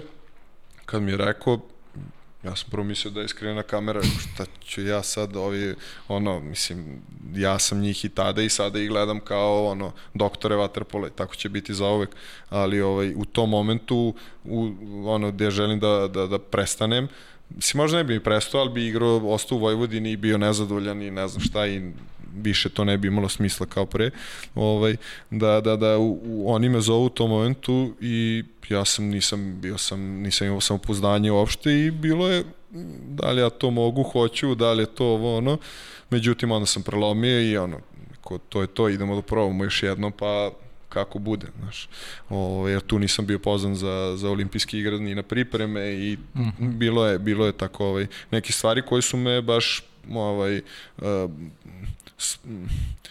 vratile nekako unazad, ono, napravio sam neki iskorak napred, napravio tri unazad, do duše mojom krivicom, to što sam napravio, ova pesma nije nastala slučajno, pa, što Ćule pita, Tako da ovaj nisam teo za to da te pitam ovaj pa pa nemam ni problem. Ne, nemam problem ovaj ni da kažem jer s tim sam to sam prebrodio kako god mm -hmm. nekako i ovaj i mislim da mislim da da je to jedini pravi put da se suočiš sa problemom i da da da da jedino tako možeš da ga rešiš. Tako mm -hmm.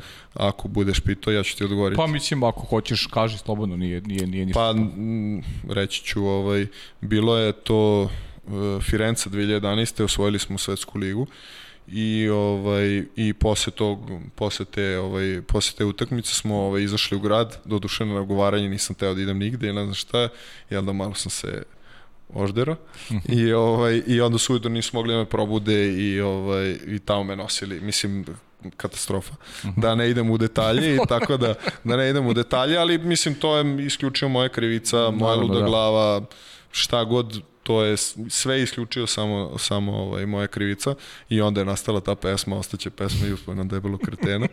Tako da ovaj, sad iz ovog ule smejem, ali tad mi uopšte nije bilo pa, u tom momentu previše sam mlad bio da bi tako nešto mogu da, da, da izguram. Mm -hmm. ovaj, e, bilo mi je dosta teško i to je jedan od najtežih perioda koje sam imao.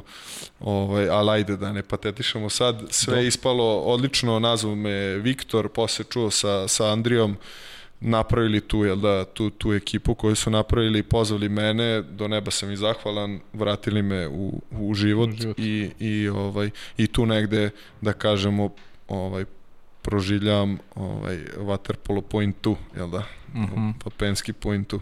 Tako da, point tu, point da. Da. Mm -hmm. Tako da, to je to, nema, nema tu... Ovaj... Ali, ali sjajna priča, Borise, definitivno zvezda koja uh, eto koliko i, koliko i Andrija, koliko su svi oni ti momci uložili energije da se napravi neki dobar tim i pričat ćemo nešto kasnije, pošto imam i pitanje dodatno vezano i za taj moment kad ste mogli dodeti iz kluba, pa ste opet ostali ujedinjeni i osvojili titul, već priča koja je dobro poznata.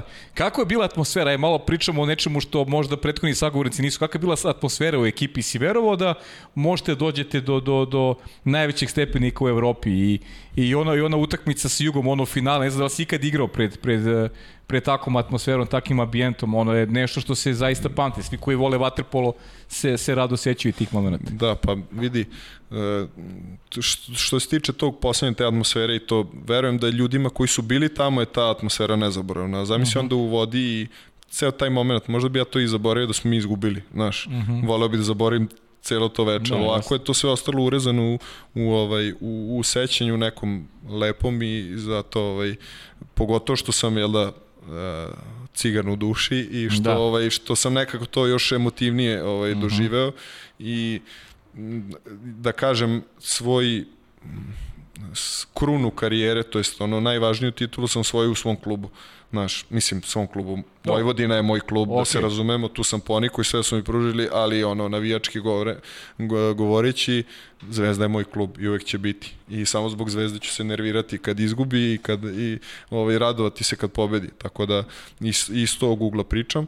E, s te strane je bilo, bilo je super, bilo je momenta, eto to što si spominjao, ajde da, da, da ne otkrijemo sad, ovaj, bilo i teških momenta, ali uh mhm. -huh. atmosfera kroz čak i među, u tim teškim momentima je bila fantastična. Mislim, mhm. -huh. imali smo ono, ovaj, bio nevjerojatan ono spoj njih e, starijih, iskusnih, uh -huh. koji su nas onako ribali dobro uh -huh. i izvlačili iz nas maksimum u vodi.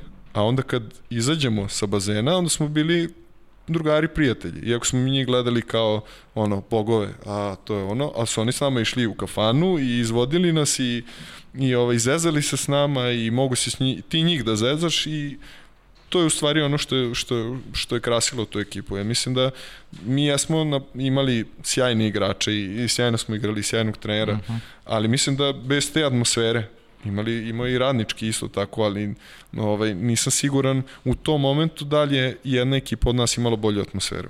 Mhm. -huh. Što mislim da je to na kraju presudilo uz jel da ove zmajeve koji su stvarno bili nevjerovatni tokom mm. cele godine ovaj, da, je, da je atmosfera stvarno čudo i od, od tada pokušavam nekako da u svakom klubu ajde, ali to veštački ne može da se ne može. da, da se napravi. Ništa ne može veštački. Znaš, to je to to je čudo, ono pokušali smo ono ne znam u Mađarskoj, ajmo kao idemo na treneram kaže idete na večeru. Pa ne možeš ti da mu organizuješ večeru, moramo mi sami da kažemo idemo na večeru ili idemo na, na piće i zaglavimo ono mm -hmm. Mora da dostite to, Naravno, tu, tu vibraciju, i to, da. to, to, ovaj, ovaj, to, je, to, to je bila glavna, gla, glavna prednost te ekipe. Mhm. -huh. Ajde da razbijemo o, o, ovu priču sa, sa još jednim pitanjem.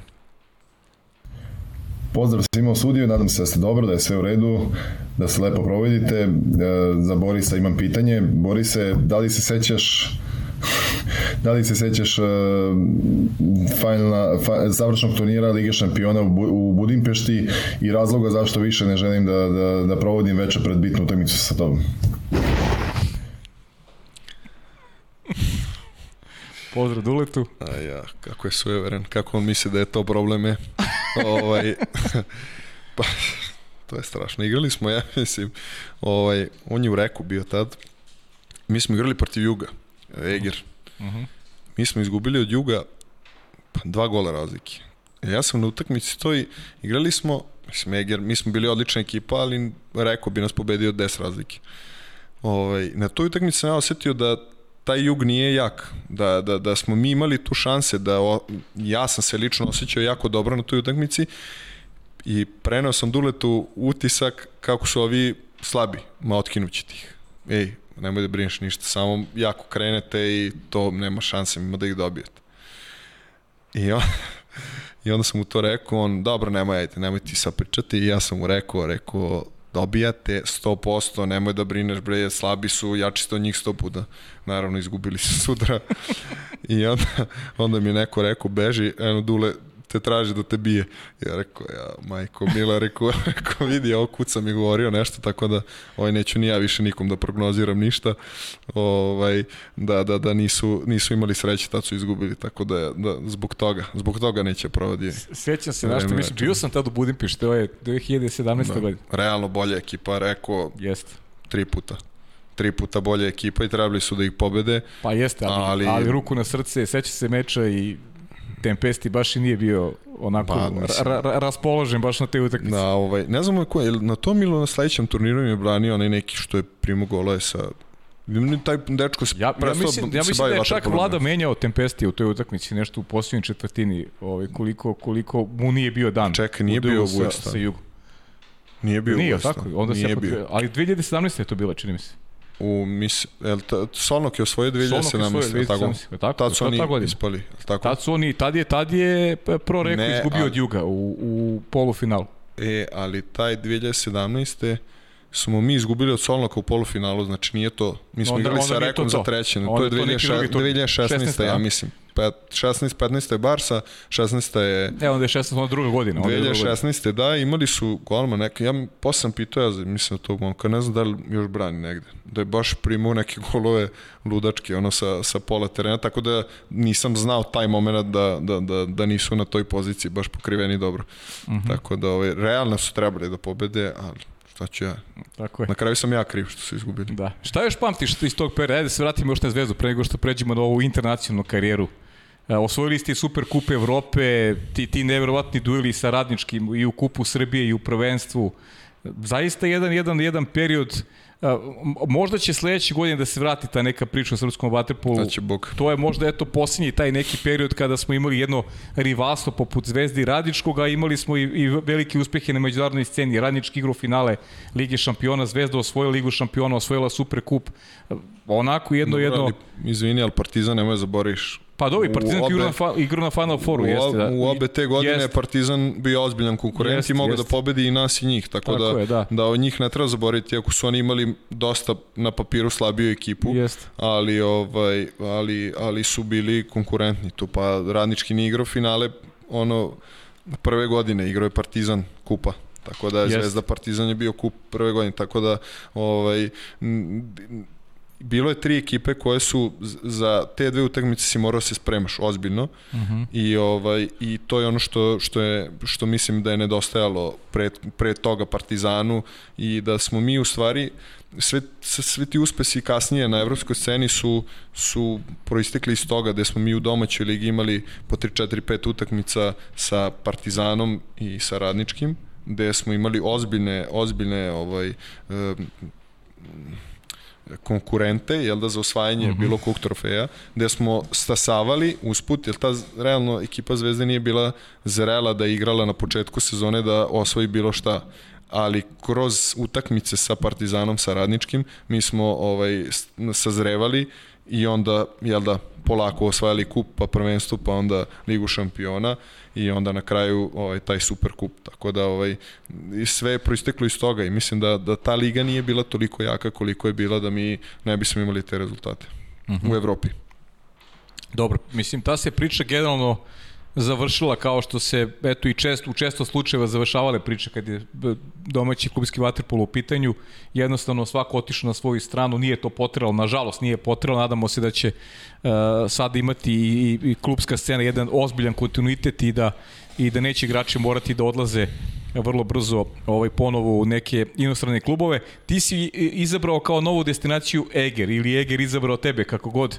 Uh, Pa ajde malo mi priči o tim, o tim ovaj, trenucima prelaska u Eger. Zašto Eger ili bilo neki drugi ponuda? Znam da te, čini mi se da te Olimpijakos tražio u to vreme, tako da je... Ne, Olimpijakos me tražio... Posle Egera, a, posle Egera. Posle Egera me da, Olimpijakos da. tražio, da. To je, to je ozbiljna priča. Uh mhm. -huh. ovaj, koje se nerado sećam. Uh mhm. -huh. Uglavnom, uh, u Eger sam prešao isključivo zato što je tad je Zvezda bila, hoće biti, neće biti, da li, uh mhm. -huh. ostali su, mislim, Sava i, i Strahinja su ostali još jednu godinu posle toga, uh. -huh. mislim, u Zvezdi ostalo sve, ovaj, svi su otišli, i Viktor, dobro, A ovaj i tu sam video već negde da da to nema neki ovaj nema neku budućnost, a pritom su otišli Bane Mitrović i i Ćuk i Čučković su već otišli u Eger. Uh gde su ovi tražili levorukog, a Bane Mitrović je tamo predložio meni ili Ćule, nisam siguran, uh mhm. -huh. je predložio, ovaj, su predložili mene i onda su meni nazvali i vrlo brzo smo se dogovorili, jer ovaj Eger je jedan od najstabilnijih klubova u tom momentu i kasnije ovaj, godinama, evo sad do poslednje dve, tri je malo da. problematika, ali onako ima neki kontinuitet i što se tiče rezultata i što se tiče ovaj, stabilnosti. I, ovaj, I to je bio prilično laki izbor. Ovaj, od, odlazim u jednu od najboljih liga na, na svetu, najkompletniju, da kažem, ovaj, sa najviše klubova jel da, ovaj, podjednakih i odlazim u sredinu gde ima dosta naših ljudi, mhm. -huh. što će mi mnogo olakšati, jel da to je prvi put da praktično odlazim od kuće, tako, što mi je mnogo pomoglo da imam nekog starijeg baneta, da imam nekog društvo, da, da, da, ovaj, da, da, da je to sigurno, sigurno i presudilo u tome da, da odem tamo. Nije da sam imao ne znam koliko ponuda, ali, ali ta je bila onako naj, najrealnija. Uh mhm. -huh. da. I šta si radio tamo tog kad nisi igrao waterpolo? Znam da svi su mi kukali ovde da, da je bilo onako poprilično... Pa šta smo radili kad nismo igrali waterpolo? Pa gledali smo da odemo u Peštu, s vremena na vreme, to nam je bilo na sat i 15 od, od Egera, da odemo u Peštu ili da odemo kući. E, to smo radili. znači, e, to je bilo, to, to nije baš, nije jedna sredina za, e, kažem, sada u Egeru ja bih se snašao. To je to što mi treba Sa u suštini. porodica i to. Porodica, mir, uh mhm. -huh. sve ti je blizu, imaš sve što ti treba, u suštini ne možda tražiš ništa više, le bazen, m, simpatičan gradić, hmm. to je to što ti treba. Momku sa 23-4 godine treba sve osim Miran Gradić i ne znam šta treba i da, da vidiš malo i, i, ovaj, i, i, i grada i da izađeš negde što da ne i da Tako je. ovaj, u, umereno, samo deca umereno. Umereno sve, ovaj, samo Poruka umereno. koju šaljemo, da, umereno. Naravno, da ne prođete kao ja 2011. umereno. ovaj da da da ovaj da da u tom momentu m, trebalo nam je nešto življe. Jer mislim da bismo onda mnogo, e, mnogo bili koncentrisaniji na vaterpolo, jer bi onda imali neki izduvni ventil, što ti sigurno treba u, u, u tom e, razdoblju, jel da od neki 22 do 26-7 godina moraš da imaš neki izduvni ventil. Da li je to da odeš da, da, da posetiš nešto, nek, neku turističku atrakciju ili da odeš u kafanu ili da to ti u tom momentu treba. Posle to sve mora da bude mnogo ozbiljnije, to u Egeru, toga u Egeru nije bilo. Bio si okrenut samo vaterpolu, a mm, nije se baš nešto previše radilo i treniralo i ovaj i to je onda bio problem. A iskreno me po meni to je mm, glupo je reći, stvarno su bili i korektni i sve i ispoštovali je, da kažemo, finansijski sve što je trebalo i pružili mi, jel da, neku šansu da napredujem to sve, ali to je tri, e, to je tri godine stagnacije, možda i nazadovanje u, u, u mojoj karijeri, jer e, kad e, sada da mi neko kaže ne moraš da treniraš, ja ću treniram. Ali sa 24 godine kad mi neko ne daje treningi ili mi kaže ne trenira, ja ću to da iskoristim i odmarat ću. Aj mi pojasni ovo interesantno.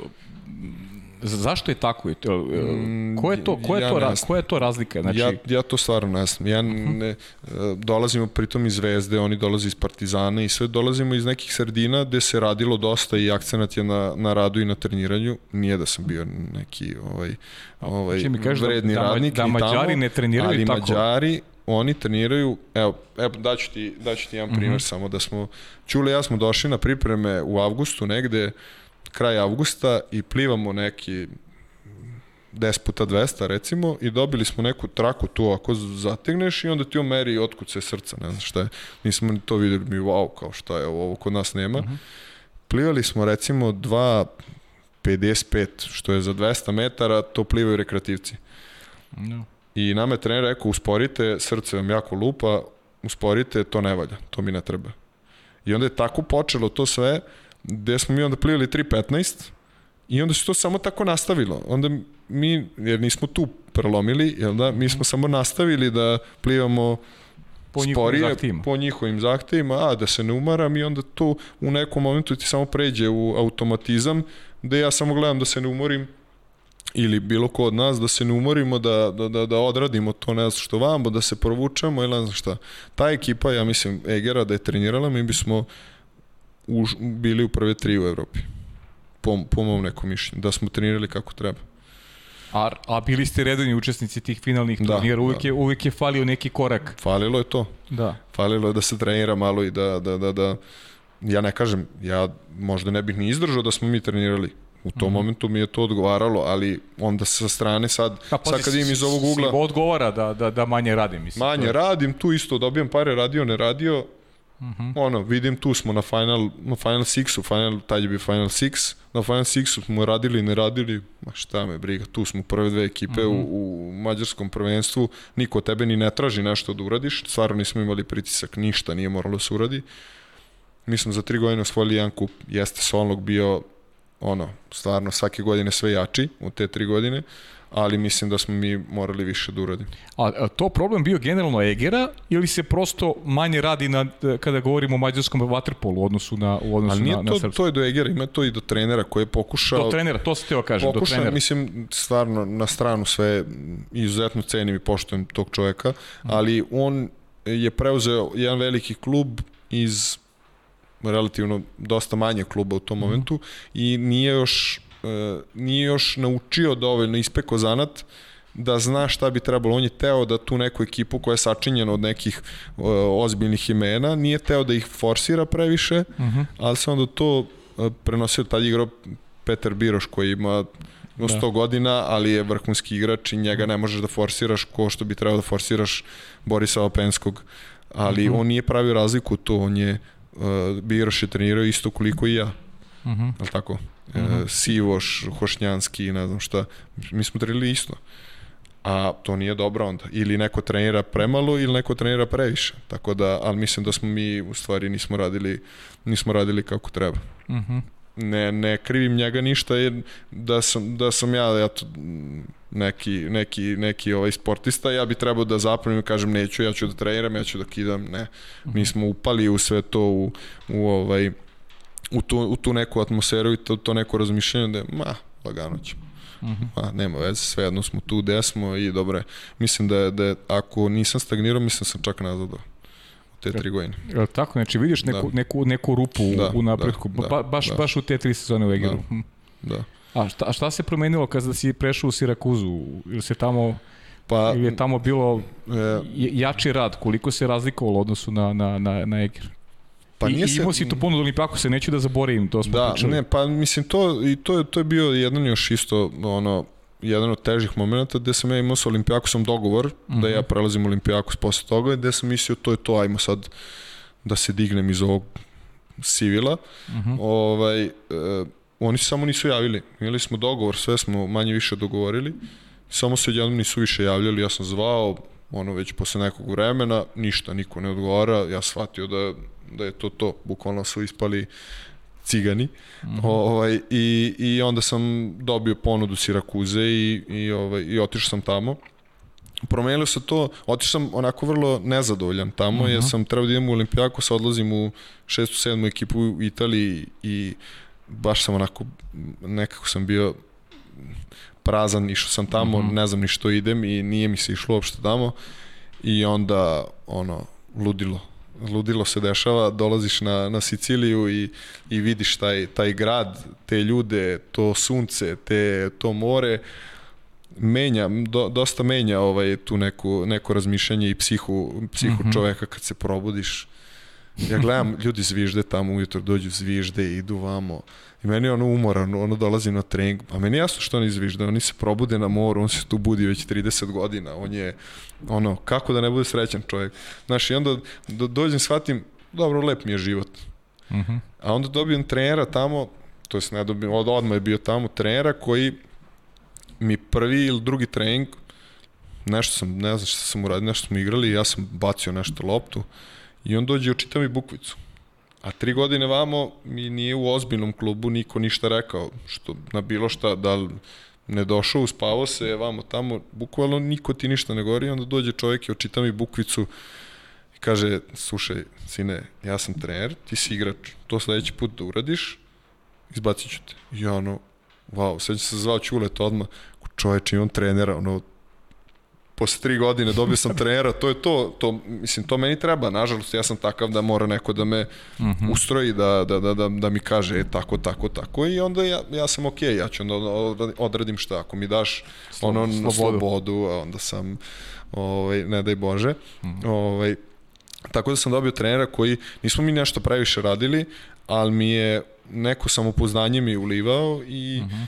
i pokuš, mislim, jedan od redkih koji mi je govorio kad sam, tad sam bio u ono najgorem momentu, trenutno mi je govorio da e, ti možeš, ti ne treba da igraš ovde, ti treba da igraš negde drugde, imaš, imaš kvalitet, imaš vamo tamo. I onda me dizo tako malo po malo, ovaj, gde, gde onda na stranu sad to sve imao sam, imao sam relativno dobru sezonu, gde je onda došla Gruzija, gde sam onda shvatio to je to sad nešto se desilo menjati ono to je uh, menjati neku životnu priču dalje ja sam shvatio sad gotovo sad moraš se ozbiljiš, sad moraš da, da radiš, sad moraš, i ako nemaš tamo, pogotovo tamo gde ja nisam šest meseci imao ni treninge, ni utakmice, ništa, morao sam sam da, da, da se ozbiljim i da radim. Uh mhm. -huh. I onda, kad, samo kad promeniš malo taj način razmišljenja, odme lakše, znaš, i onda uspeo sam sam sebe nateram da, da treniram, da radim i onda su sve, sve bolje i bolje stvari uh mhm. -huh. dolazile, ovaj, tako da žao mi što nisam imao ovu pamet pre 10 godina. Pa, ej, slična priča. Niko... Za sve nas, za sve nas. Da, jeste, jeste, jeste. Je, to je život, kaže, to je život. Kaže, kaže moja žena, ovaj, ne možeš da očekuješ od muškarca da bude pametan s 20 godina. I to je Živa tako.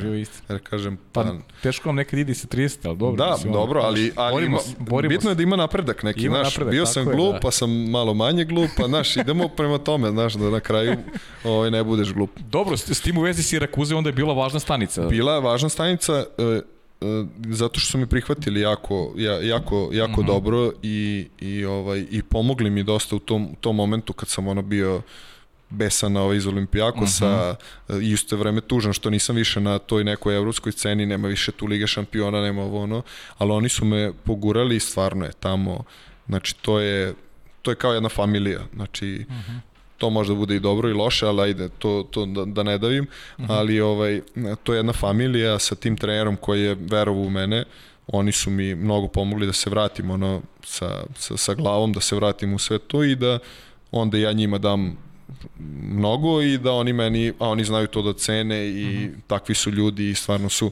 oni su bliži mnogo nama nego ovaj sever Italije, ovaj, mm -hmm. mnogo bliži nama, južnjaci, da. da, da, da, južnjaci ka, karakterom i temperamentom i onda je to ovaj, bilo, bilo mnogo lakše i da se radi i da se trenira i bio sam srećan i, i, ovaj, i teo sam da ostanem tamo ono, do, do, do, do zauvek.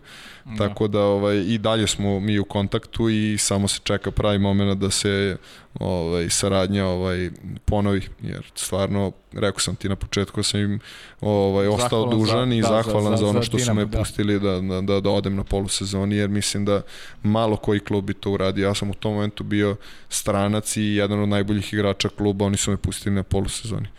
I to je to je raritet. Da, da, mislim da čak nemoguće da se desi u bilo kom drugom klubu. Pa dobro, to dovoljno govori o tebi, kakav si utisak ostavio njih i kakav si bio profesionalac, da. tako da, da ne budeš lažno mislim, skroman, to je... Da, ali mislim da, da, da to ništa ne bi bilo moguće bez njih i uh -huh. tog njihovog, čak i trenera, ako pustite ga, mora da ide to mu treba i pustite uh -huh. ga. Tako da u tom tom segmentu su mi dosta pomogli i ovaj i zahvalan sam im stvarno. Mhm. Mm Boris, nisam te pitao, malo sam malo sam moram priznati da sam malo nespreman za ovu vrstu za ovu temu. A, a, pričat ćemo sad o debiju za za reprezentaciju, ali e, kakve su bili kakve su iskustva iz iz ovih juniorskih selekcija i si tu imao učešća za za mladu reprezentaciju Imao sam, imao mm -hmm. sam, imao sam, bio mm -hmm. sam na svim tim takmičenjima koje smo imali. Mm -hmm. Ovaj pošto to generacija 89 90 ovaj 1989, 90, mm -hmm. da? ovaj, da, da, sad ima ovo koje si prvo, drugo, treće, ne da, znaš dalje 2003. Da. ili 93. ili koje, da ja naglasim. Ovaj, da, da, da, da, s njima sam bio, da, ono, imali smo, ne znam, Malta 2007. Istanbul 2008. i 2009. Hanja. Smo imali evropska prvenstva i ovaj, prvo, treće i treće mesto. A 2007. smo igrali Long Beach, to je svetsko prvenstvo bilo za 87. godište. Ovaj, smo igrali na 7-8 iz te mlađe generacije, smo igrali za starije. Ovaj, bio, ne znam, Mitar je bio uh mhm. -huh. tamo i ne znam da li još neko tu od starijih. Ovaj, I igrali smo tamo, to, to nam je bilo sjajno iskustvo tamo, pa što sam išao u Ameriku, em što smo igrali za starije i onda odmah na Malti za svoje godište i osvojili evropsko, tako da, uh -huh. da nam je to bilo. Igrao sam sve, ono, prošao sam sve te, uh -huh. sve te selekcije. Ovaj, I onda na kraju, eto, pustit ću te me pitaš. Pustit ću te, te pitam, da, da te pitam, to je 2009. godina, interesantno je to kako su, šta je sudbina. Debituo si za reprezentaciju Volvo Cup 2009. Znaš gde? Eger. Eger. Eger, Eger. to ti je, to, to, tada, si, tada si debitovao za... To sam zaboravio. A eto. Jeste. Obrni, okreni i vrtimo se oko Egera. Pa znaš šta, vrtimo se o, oko, oko toga se vrtimo zato što nema baš puno ni klubova ni gradova koji su u Waterpolu, tako da, da, da. ovaj, nažalost, i onda imaš sigurno nešto što ovaj, kao viš koincidencija kao, da. znaš, u stvari ima jako malo i, I klubova i gradova i, i bazena na kojima da. se igra Waterpolo, mm -hmm. ozbiljno Waterpolo, tako da ovaj, da, u Egeru, viš, bravo, Volvo kup, mm -hmm. jeste. Jeste, tamo sam, tamo sam zaigrao prvi put, ovaj, što bio neki Martin, ne znam, tako nešto. Da, da, to sam dobio poziv ono, iz vedra neba i bio sam baš onako... Da, ta 2009. koja je ovako kritična za ovu generaciju. Da, da, da, da. Da je da. Rim, 2009. je bio Rim, svetsko prvenstvo. Jeste, jeste. Bio sam, bio sam tu još možda na nekim pripremama i onda su oni posle osvojili to sve. Da, da, da, tad je, tad je sve u stvari počelo. Uh -huh. Nije potrebalo, na duše, ali da. ovaj, ali, ali je ovaj, da, da, da. Volvo, to mi je, to mi je jedna onako od lepših stvari. to, taj put za Eger, ne, put za Eger nije jedna od lepših stvari, Nego. ali, ali o, biti tamo sa, ti, uh -huh. sa tim ovaj, igračima i to, ovaj, znaš šta, e, to, to sam uvijek želeo da kažem i nikad nisam imao evo, tako Ajde. neku platformu gde, uh -huh. gde, gde mogu to kažem. Mnogo je teško bilo doći u reprezentaciju ako nisi iz Partizana. Uh -huh. Sad ne govorim to, nije to ništa loše, naravno. Okay, Partizan je pravio, uh -huh. Partizan je uh, brusio i pravio pravi igrače zapravo u tom momentu. Vojvodina je bila stanica koja je slala Partizanu igrače da jasno, postanu ono što jasno. jesu. Uh, mislim, u ovom uh, momentu gde dolazim iz, iz Novog Sada, Vojvodine, malo smo povučeniji, jel da? Mm -hmm. I dolazim tamo među, ono, naš Beograd je malo življi, malo je mm -hmm. divljiji nego, ne, divljiji, ali to može, divlji. Divlji, da, malo je, pa može, da. Da, može, ajde, može, ajde, da može. mi neko da me neko ne ispravlja posle. Dobro, da. Ovaj eto tamo pitanje može, u komentarima može. da kako se da. kaže divlji ili da. divlji. Ovaj e, i mnogo je teško e, doći u reprezentaciju ako nemaš ne znam kako to da objasnim, taj neki, taj neki bezobrazluk u mhm, sebi. Mm -hmm. Ako dođeš iz neke manje sredine tamo, mnogo ti je teže nego dođeš iz Beograda. Ja sam to naučio kad sam otišao posle, kad sam došao u Zvezdu, kad sam se malo namazao što se kaže mm -hmm. i kad sam tu proveo malo ovaj vremena sa, sa, sa ljudima tu i po Beogradu i video kako uopšte funkcioniše jedan velegrad kao što je Beograd, znaš. Mm -hmm. I ovaj, tu mnogo naučiš i nije samo to da kako ti igraš, da li igraš, bitno je i kako kakav imaš stav, kako odreaguješ na, na, na, na kritiku, kako uh -huh. se mhm. postaviš u toj situaciji, da li, da li ćeš odgovoriti nekom, da li, da li nećeš. I s te strane ja sam bio kao ono, ne znam, Alien in New York, znaš, ono, znači ja sam bio pao s Marsa, znaš, ja, ja, nisam, ja nisam znao šta treba da radim, kako se ponašam. Kad mi neko nešto kaže, ja sam onako, kao, znaš, neko, da. onako, dete poplašeno koje je videlo neke svoje idole, stvarno jesu bili moji idoli i, ovaj, i, i s te strane razumem, ali nisam imao taj taj bezobrazluk da ja dođem i ono, ja, šta, ja sam sad s vama jednak, ja sam tu gde ste i vi i možda bi mi to pomoglo da sam ja recimo bio ne u Partizanu, ali barem u Beogradu bio i da imam taj neki, ovako sam došao ku neki tunjavi klinac, ono ne znam šta da kažem, moj, izvinjavam se za sve živo, onda mi Boba Nikić mi govori, nemoj više da se izvinjava, šta ti je, šta, baš sam bio pogubljen u tom momentu i mislim da mi je to dosta odmoglo, da, ovaj, da, da, da, da uopšte u tom nekom odnosu da sa, i sa, sa igračima i sa, sa, ovaj, i sa trenerima u ostalom, da, da, da nikad ono ništa, nikome se nisam ni suprostavljao i ćutim sa strane i tako i onda napravim glupost kako napravim. Ali ovaj znaš, ono dobro dete onda napravi onako uh, glupost. Ovaj ali ovaj mislim da da da to to dosta da da bi mi to dosta pomoglo da sam da sam ovaj da sam iz tako neke sredine došao u reprezentaciju i to mi jedina je jedino za čime žalim uh mhm. -huh. osim gluposti ovaj uh mhm. -huh. iz reprezentacije to je to što nisam malo bio bezobrazniji što da, se kaže. Drčni u nekim situacijama. Drčni, ne u tom smislu da, da ne da, poštujem nekog naravno, to. Ne, razumeo sam te sve, sve te razumeš. Nego, nego u tom da, mm. da je u tom momentu bi možda mi je falilo ta neka drskost, ta neka sportska drskost, da kažem. Da, to je ono što je interesantno što su ovde i, i, i, i, i Novljani koji su gostovali ovde, i, Vla, i Vlada Gojković, i, i Miloš Ćepanović, i Boris Loković su pričali, eto kako je i, i njima nedostajalo malo te mm. uh, ono, Boris je, Boris je mnogo lepe stvari pričao, kaže, mi kad igramo, povedemo sa 2-0, mi mislimo da utakmica gotova, mi onda stajemo da igramo, a da. kad igra Partizan, povede 2-0, on te pobedi sa, sa 16-0 da, i to je, to da, je da. nešto što, kaže, nama falilo uvek, Jest. da idemo to do kraja, nego kod nas je sve opušteno, kaže, sve lagano i to je nešto, kaže, što mi je falo, kaže, Boris, žao mi što nisam prošao malo te škole što nisam ostio ranije. Ovaj. To je taj mentalitet da, koji, da. i to samopouzdanje koje dobiješ kad si u Partizanu, jer Partizan je stvarno ono, mašina za mlevanje mesa, bila u, u nekom momentu gde nisu imali milosti, ni prema ozbiljnim klubovima, ne u, prema ovim nama, Borani, Vojvodina i tako to. Uh mhm. -huh. nije, nije si ti nikad protiv Partizana mogao se naigraš nešto.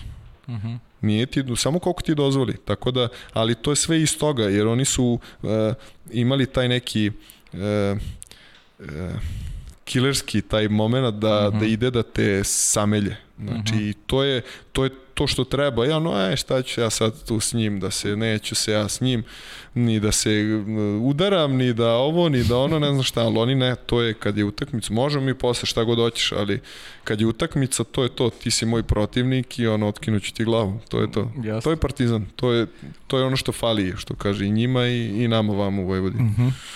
Borise, e, dolazimo do 2010. godine, to je sigurno najvažnija stanica e, tvoje karijere, Evropsko prvenstvo u Zagrebu, nalaziš se na spisku selektora, osvajate bronzanu medalju na Evropskom prvenstvu, poraz od Hrvatske u, u polufinalu, verovatno je moglo i više da se igralo možda na nekom drugom terenu u to vreme uz dužno poštovanje Hrvatsko je vele sila, vaterpolo vele sila, ali a, čini mi se da, da, da se igralo nekom drugom bazenu da si eto možda mogao da dođeš i do, i do zlatne medalje, ali i bronzana je, i bronzana je onako lepo ćeš i pamtiti. Sigurno. Naravno, pa mislim, da. naravno, to je ovaj, jedna od lepših uspomena iz reprezentacije.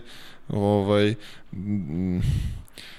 ne znam, taj, taj, to je ono, to je isto povezano što sam ti malo pre pričao, taj, uh mhm. -huh. taj moment. Nekako sam pustio da sve to proleti pored mene, znaš nisam zgrabio priliku, to je to, nisam imao taj bezobrazluk da sam se nametno i ne znam šta. Jer ja iskreno, stvarno mislim i nije, nisam ni lažno skroman i ništa da uh -huh. 13. igrač možda bude bilo ko.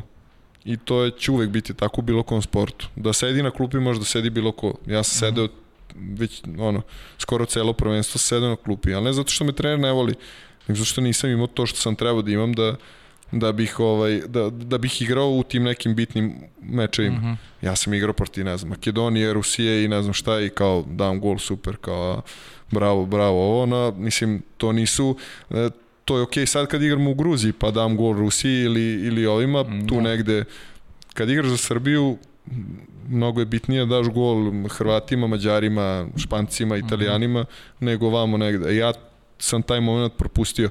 Ali svakako da je, da je, da je ovaj, da mi je drago i što, što sam bio i, i 13. što se kaže i, ovaj, i lepo iskustvo i mnogo sam izvukao iz toga. Da ovaj, eto, znam šta je potrebno da, da bi igrao na toliko velikom nivou i gde sam ja u nekom momentu možda i poleteo posle 2009. godine i pomislio tu je reprezentacija, tu sam, bitan sam, igram dobro u Vojvodini, ne znam šta je, onda sam vidio na evropskom da sam nebitan potpuno i da, da, da još mnogo toga moram da uradim da bih i, ako uopšte mislim da mogu da igram protiv tih momaka ili sa tim momcima u ekipi.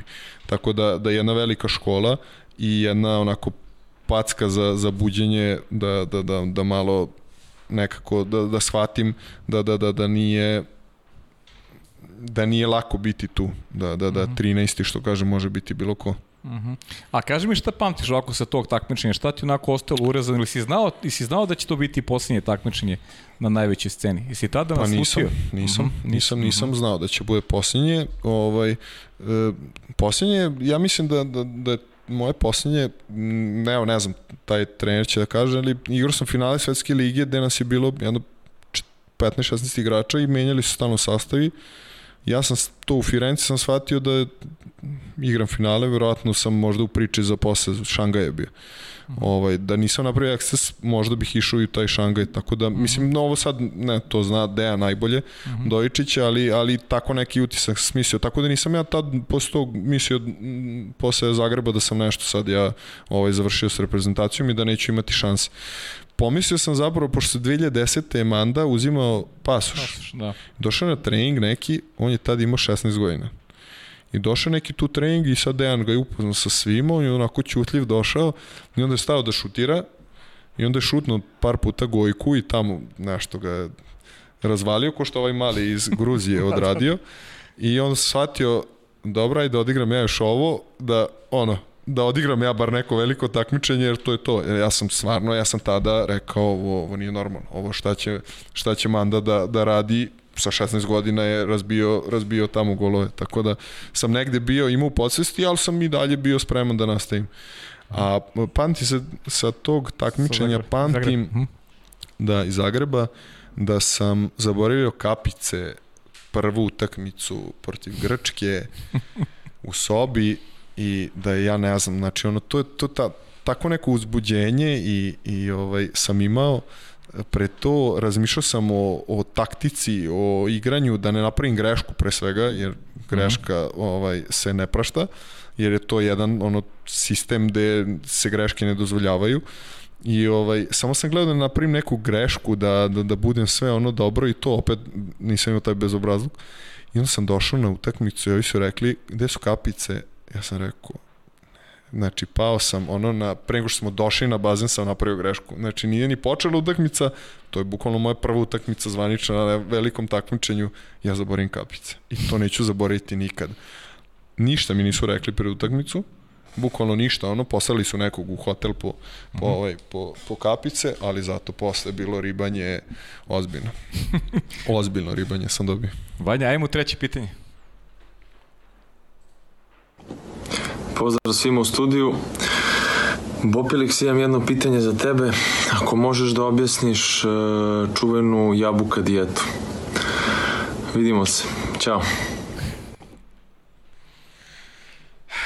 Da, mogu da objasnim jabuka dijetu. Ja sam ekstreman što svega tiče. Znači, kad radim, radim, kad ne radim, ne radim, kad šta god, čega god da se dovatim, ekstreman sam. Ako zagrizam nešto, to je to. Kladio sam se sa prletom, imao sam 120 kila, ja mislim. Bio sam krmača jedna, tako su mi zvali. Ovaj, I ozbiljna krmača. I nisam bio zadovoljan izgledom, a sam nešto kroz priču, stalno me Andrija nešto drndao, ajde ovo, ajde ono. Da, ja rekao, ćeš sada da smršam 20 kila za, dok se ne vratite vi s priprema. Tipa oni su, to je bio Eindhoven. -huh. Ja mislim da je, ne, ne, Eindhoven 2012. Nešto su oni imali neke zimske pripreme, a mi smo imali neku pauzu. I tipa decembar su oni imali neke pripreme za ne znam šta. I kaže, ja rekao ćeš da, da, da smršam 20 kila dok si ti ne vratiš, tipa mesec dana. Kaže on, kladimo se, ajde u 100 eura. Aj, rekao, 100 eura se kladimo, kad dođemo prvog, drugog na trening, ja ću imati 99 ili 100 kila. Kaže, ajde. Ja sad ono, koje kladio sam, sad imam motiv i sad to je to, ja sam zagrizo, ja ću imati 99 kila. I šta ću, kako ću, tako ne, no, ono, ne ide mi baš ili jedem ili ne jedem. I ja lepo rešim, rekao ja dođem s treninga ujutro, a tad malo nešto, intenzitet je bio slabiji, trenili smo sa, sa Ristom Maljkovićem i nismo imali neki program veliki, nismo imali nikakva takmičenja i onda u treningu ujutro laganiji, uveče isto laganiji. I ja kad dođem s treninga pojedem jednu jabuku, odem uveče na trening, ništa, kad se vratim, samo legnem spavam, pošto energije nisam imao uopšte i tako mesec dana. I dolazi 1. 2. januar, ja 99 kila. Za manje od mesec dana. Svaki čast. Tako da jabuka dijeta je to i sad i dalje, ono, kad, kad god smršam ili nešto, ali jabuka dijeta, rekao, nije više to, ali E, Bora ti kažem da ću prepišem, da znaš. Meni je ali, potrebna sada jabuka dijeta. Ali budi spreman da spavaš mesec dana. Znači, nema energije, nema ništa i nije preporučljivo i ovo uopšte nismo trebali pričati u, u, podcastu, u podcastu sportskom, ako neko, neko čuje od mlađih, znači, ni slučajno, ni slučajno to. Ne nije zdravo, nije normalno, znači, umereno treba da se jede, da paziš na, na, na kilažu, na zdravlje, da ne bi morao posle da radiš, ni to ekstremno posle nije, nije ne zdravo. Ja moram ekstremno ne vredi drugačije. Jabuka. Jabuka. Boris, ajde pređemo na pitanje imamo pitanje, ima ih dosta, ajde pređemo, pređemo što je više moguće i da budemo, da budemo koncizni. Za početak, Milan pita šta će biti u Tokiju? Zlato. Zlato. E, pratiš li dešavanje u domaćem Vaterpolu imali motiva za povratkom? Pratim i još uvek ne. E, šta će da radiš kad završiš karijeru? Da proizvodim pivo. E, Pivo, ajde. Pričaj mi o pivu. Tu i to pivo. radiš, radiš i sada, mislim, proizvodiš pivo, pričali smo o tom i pre početka, ajde malo ta, to pivo. A moraš staviš 18 plus, znaš, 18, ovo sve moje, moje priče, znači 18 plus 18 da bude, plus, da ne gledam 18 plus, ajde, da, da ovaj, da ne, pivo. pravim pivo sa, sa, sa burazerom, uh mhm. -huh. ovaj, proizvodimo pivo ovaj, u Novom Sadu i birokrate ovaj, je, se zove brand uh mhm. -huh. i ovaj, polako smo nekako krenuli, to je to pre 4-5 godina i ovaj, polako se zahuktava, pravimo, hoćemo se širimo, da pravimo neku ozbiljniju priču. Uh -huh. U tome sam, zanima me, mislim u tome sam, koliko, koliko stižem, ali zanima me, brat mi stalno priča i onako zanimljiva priča skroz i, i malo alternativnija. Tako. Uh -huh. Uh -huh. Dobro, dobro. Sviđa mi se priča, morat ću probam to pivo. Obavezno. Ja sam e, više- moja ja greška više- što nisam doneo pivo. Greška, Ispravit ću da. Ja to. sam više rakija tipa, ali ovaj, tvoje pivo ću da probam. Uh, Ispravit ću. ispravit ću. Uh, pratiš li drugi sportove za koga navijaš? Dajem za zvezdu, ovaj, a pratim basket, ovaj, Euroligu. Euroligu. Uh, Premier ligu, možda futbol. mhm. ono, ako stigne. Najbolji igrač i trener? E, u Waterpolu. Mhm. Najbolji igrač, e, najbolji igrač e, s kojim sam igrao, moram kažem, Može, Andrija. Može, Andrija. Andrija Prlinović. Mhm. Ovdje se neko ne naljuti, ali Prle je stvarno majstor. Mhm. E, I trener Deki. Trener Deki Savić.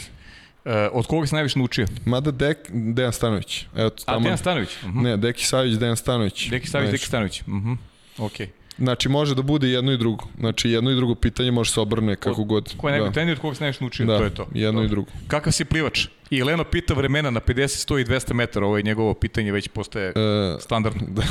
E, plivač sam, sad sam prilično dobar. Mhm. E, 50, 2, 25 možda nešto, ali visoko 25, Mhm. ispod 26, tako nešto.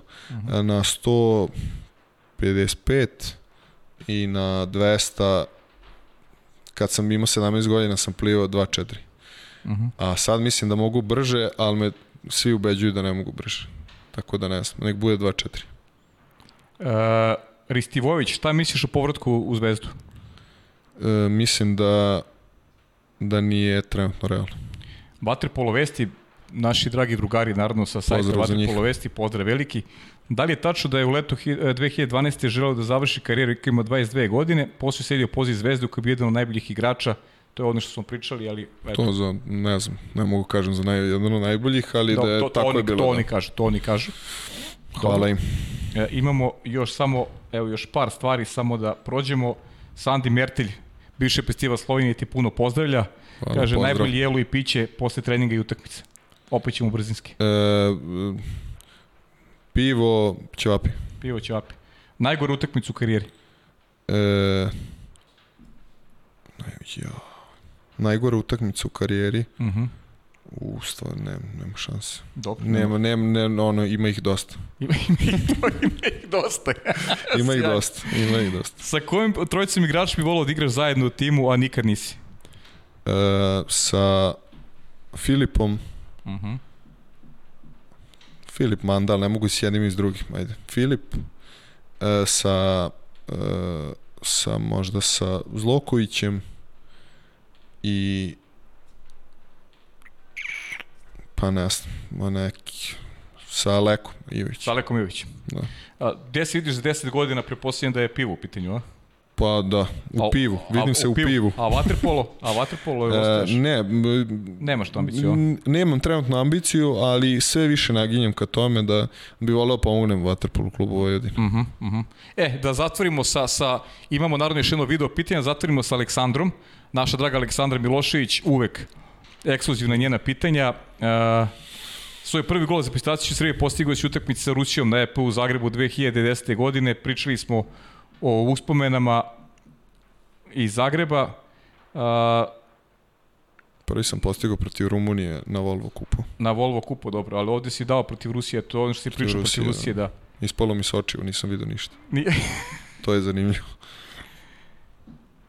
E, dobro, ovo su novostiđeni... E da, od novostiđena koji su prošli kroz našu emisiju imali su prilike čujemo da im je bilo teško po prelasku u Beograd s naviknu jer je grad drugačiji. Kako su on privikao je snašao po dolasku u prestonicu? To smo opet negde... Pa ne, bilo mi, Ja. bilo mi teško samo zašto nismo dobili dinara u jedno 5-6 meseci, pa je Da. s te strane bilo, ovaj, bi- bilo teško, ali ovako nije, šta da znam. To mi je odgovaralo, imao sam 20 godina, 21, 2 i onda mi je Beograd bio super. I se sećaš da si, da si u Evropi bio strelac pet golova u pobedi Zvezde protiv Kreuzlinga, to je jedno od najbudljivih pobeda Zvezde, 26-7 je bilo, ti si dao pet golova.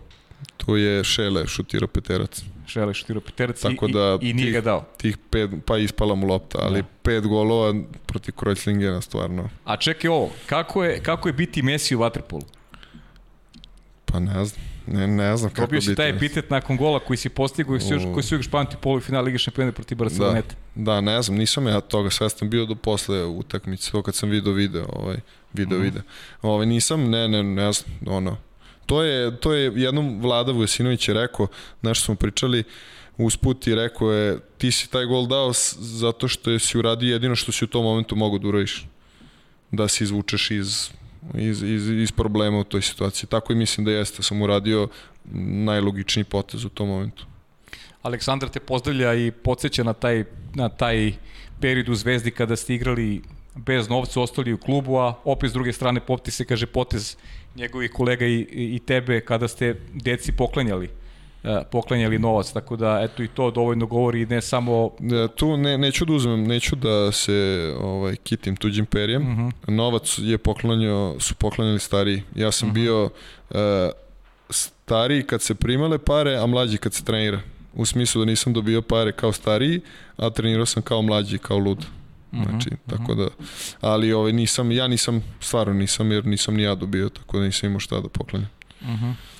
Ali su ostali i to radili, tako da svaka čast na tome. Kakva je gruzijska kuhinja i kakva su vina? Uf, vina su vrhunska. Vina su baš specifična, vrhunska, hrana isto onako bomba, ono tipa da se ugojiš 5 kila za nelju dana. Ali dobro, ti imaš tu jabuka dijetu, tako da je tebi lako. Da, ja 5 dana jedem gruzijsku, 5 dana jabuku i dobro je. Da, a kaži mi, e, da, da, da li misliš da si doživeo rano vrhunac karijere? Mislim. Uh -huh. Mislim, mislim. Da, da, sam, da, da sam prerano doživeo to i da sam možda zbog toga i onda nisam bio spreman na sve to uh -huh. i nije imao ko da me nauči kako treba se ponašam u takvim situacijama i mislim da sam uh -huh. sam kriv za sve posle toga što se dogodilo. Uh -huh. Da li bi želeo da si rođen u nekom drugom vatepolu vremenu? E, pa možda jedno 10 godina ranije. Uh -huh. Ili, da, pa 15 godina ranije. 15 godina ranije. Dobro, to je to. Ajmo, pusti, pusti mi e, Vanja a, Nikolu Rađena. Ćao svima, ćao Borise, ćao Pavle. E, igrali smo zajedno, proveli smo pre dve predivne sezone u Crnoj zvezdi, osvojili sve što se može osvojiti. E, da li može da nam ispričaš Borise par sati pred finale na, na Banjici kada smo igrali sa Jugom, šta se desilo i zašto su pušteni brkovi? I kakvi su bili švabini brkovi? Da nam to ispričaš, molim te. Eto da znaš. A imamo još jedan, pustite nam i ovaj drugi video. Ajmo još jedno. Akademija, Ćao. Akademija Crvene zvezde koju vodi Nikola Rađen, veliki pozdrav Nikoli i znam da će od ovih dečaka sigurno biti neki reprezentativac koliko je Iskreno se nadam da hoće. Da, Pa ja verujem, s pozdravljam, obzirom- pozdravljam ovom prilikom da. decu i, i Nikolu. Uh Mhm. -huh. ovaj, nisam pozdravio ni Savu, ni, ni Duleta, ni, ni Čuleta. si Nikoli Samo sam krenuo da odgovaram. Pozdrav da, svima da. ljudi. Da. Izvinjavam se. Ovaj, da, znaš kako, e, to je, e, mislim da je, mislim da sam već imao pred, pred onaj, pred, pred Barcelonetu sam imao brkove. Ovaj, ja i, i Nenad Stojčić, popularni švaba, smo sedeli tipa jedno dva meseca pre toga u kafani nekoj, u mm -hmm. Novom Sadu. I tu je bila neka, jel da, ovaj, pijana priča i rekli smo da ako odemo na Final Four, što bi nam kao bilo ono, ne znam kako ovaj, neki, ne znam kakav uspeh kad dobijemo Segedina, da ćemo da obrijemo brkove. Zašto nam je to palo na pamet? Da ostavimo samo brkove. I onda smo se brijali pred ovaj pred pred pred to takmičenje, a Švaba je bio kao znači ja ne znam. To je ja ne znam da li onim ovaj filmovima partizanskim, da li ima onih, onih brkatih takvih, znači, znaš kakav je bio kao, smešan kao, kao, kao cirkus. Tako da ovaj, smo se obrali, onda znam kad smo izašli iz sobe, bilo je i, i ribanja šta radite, šta se glupirate, ali mi smo tad rekli i da ne bismo pogazili to što smo rekli, do duše jedan drugom smo rekli u kakvom stanju i onda smo ovaj, obrali brko i tako je onda i ostalo i eto. Tako da se Borise, ajde za kraj samo morate pitam ono što Marina uvek voli da postavi kao posljednje pitanje porodica. Znam da ćeš da postaneš otac za nekih koliko? Meseci po dana. Meseci po dana. Ajde malo da pričamo ovaj, za kraj. Naravno, supruga kao, kao najveća podrška i Da, za I kraj, osjećaj, da. za kraj, ali ništa manje bitno od svega Tako ovoga. je, naravno. Pa, Možda na- čak i naj- bitnije. najbitnije, najbitnije. u Zato ga ostavljamo za kraj, kao najslađe. Da, da ovaj, pa znaš kako, ovaj, eto to, to je neka, te, neka novost ovaj, u, u našoj porodici. Mm, s, ne znam ni šta da očekujem, ni, ni, ovaj, ni kako će to sve da izgleda. Naš, uzbuđeni smo poprilično, ali i srećni u istom momentu, ono, mala raste super po svim pregledima, sve, sve, sve je dobro, žena se super osjeća, spremni smo u, u neku ruku, a opet u neku drugu ruku, znaš kako to ide kod ovaj, svi tako dele neka iskustva da je, da, da je to sve novo i čudno i da su se svi bojali pre, pre samog tog jel, da, čina porođaja, a da posle to sve ide nekako prirodno i, i lagano i tome se nadam. Jedino me brine što ću da budem odvojen jedno dva meseca kad se ona porodi, ovaj, ću biti odvojen od njih i onda dok ne dođe tamo u brešu, tako da mi to jedini u stvari nelep moment što se svega Neki- toga tiče. Da, da, da. ne- nespokojni ali, neki, da. ali pregurat ćemo. Žena je, žena je ozbiljna faca, tako da, da će pregurati ona sama, to ima do duše pomoć od roditelja Mhm. i mojih i njenih, tako da, da ovaj, pregurat ćemo dva meseca, a onda u nove avanture. Veliki pozdrav za, i za suprugu, za porodicu. Gde mašem, kome mašem? Mašemo, da, mašemo im. I e, Boris, ja za kraj volim da pitam svakog sagovornika da li ima nešto što, što nisam pitao, a, a želeo bi da istakneš u, u ovoj emisiji, uz obavezno onaj dodatak da ćemo se ponovo udružiti na istom mestu jer imat ćemo o čemu da pričamo, siguran sam. Ovaj, pa ne znam šta, ne, mislim da smo baš, baš do, dosta stvari okrenuli i ispričali se, nadam se da nisam bio ovaj, Ne, bio si, previše od, naporan. bio si super, verujem. O, ja kad se, kad se raspričam to je malo ovaj, problematika, ali nadam se da, da, da, da, da je sve bilo okej, da, da je prošlo da, da je prošlo dobro i da, da nismo nikoga udavili s pričom, da je bilo i zanimljivih stvari. Samo ću naglasim, znači, sve što sam ja rekao, one loše stvari, odmah svima kažem, znači, zdrav život, ne jabuka dijeta, ne pijenje, znači ne budite ono što sam ja bio sa 20 godina, budite normalni i imaćete normalnu karijeru bez uspona i padova. Tako da, to je moja poruka. Borise, hvala ti puno na ovoj iskrenoj ispovesti. Zaista se to osjeća da je bilo iskreno i ja sam uživao stvarno u ovom razgovoru i mogu Drago samo ti poželim da, da, da puno zdravlja i tebi i porodici i da e, te sreće prati sada u Breši, a vidjet ćemo šta će se dalje odvijeti, kako će se nameštati karijera, samo neka bude uzlaznom linijom i dalje i da bude materijala novog za priču u ovom našem podcastu. Hvala ti puno, bila mi je velika čast i zadovoljstvo. Eto, hvala Borise još jednom. E, Ovo je bila naša 50. epizoda, 50. izdanje podcasta pod kapicom. Uh, ono što mogu da potvrdim, u naredne dve nedelje sigurno će tu sedeti Đorđe Filipović, ne znam tačno koji dan, uh, s obzirom da ima obaveze kao trener u Novom Beogradu, pa ćemo da utanačimo i ima tu još nekih ovako gostiju koji će sigurno uh, postiti ovaj studio, ali ne bih da otkrio imena o tom potom. Uh, u svakom slučaju uživajte u razgovoru sa Borisom Apenskim, a mi se družimo naredne nedelje. Svako dobro.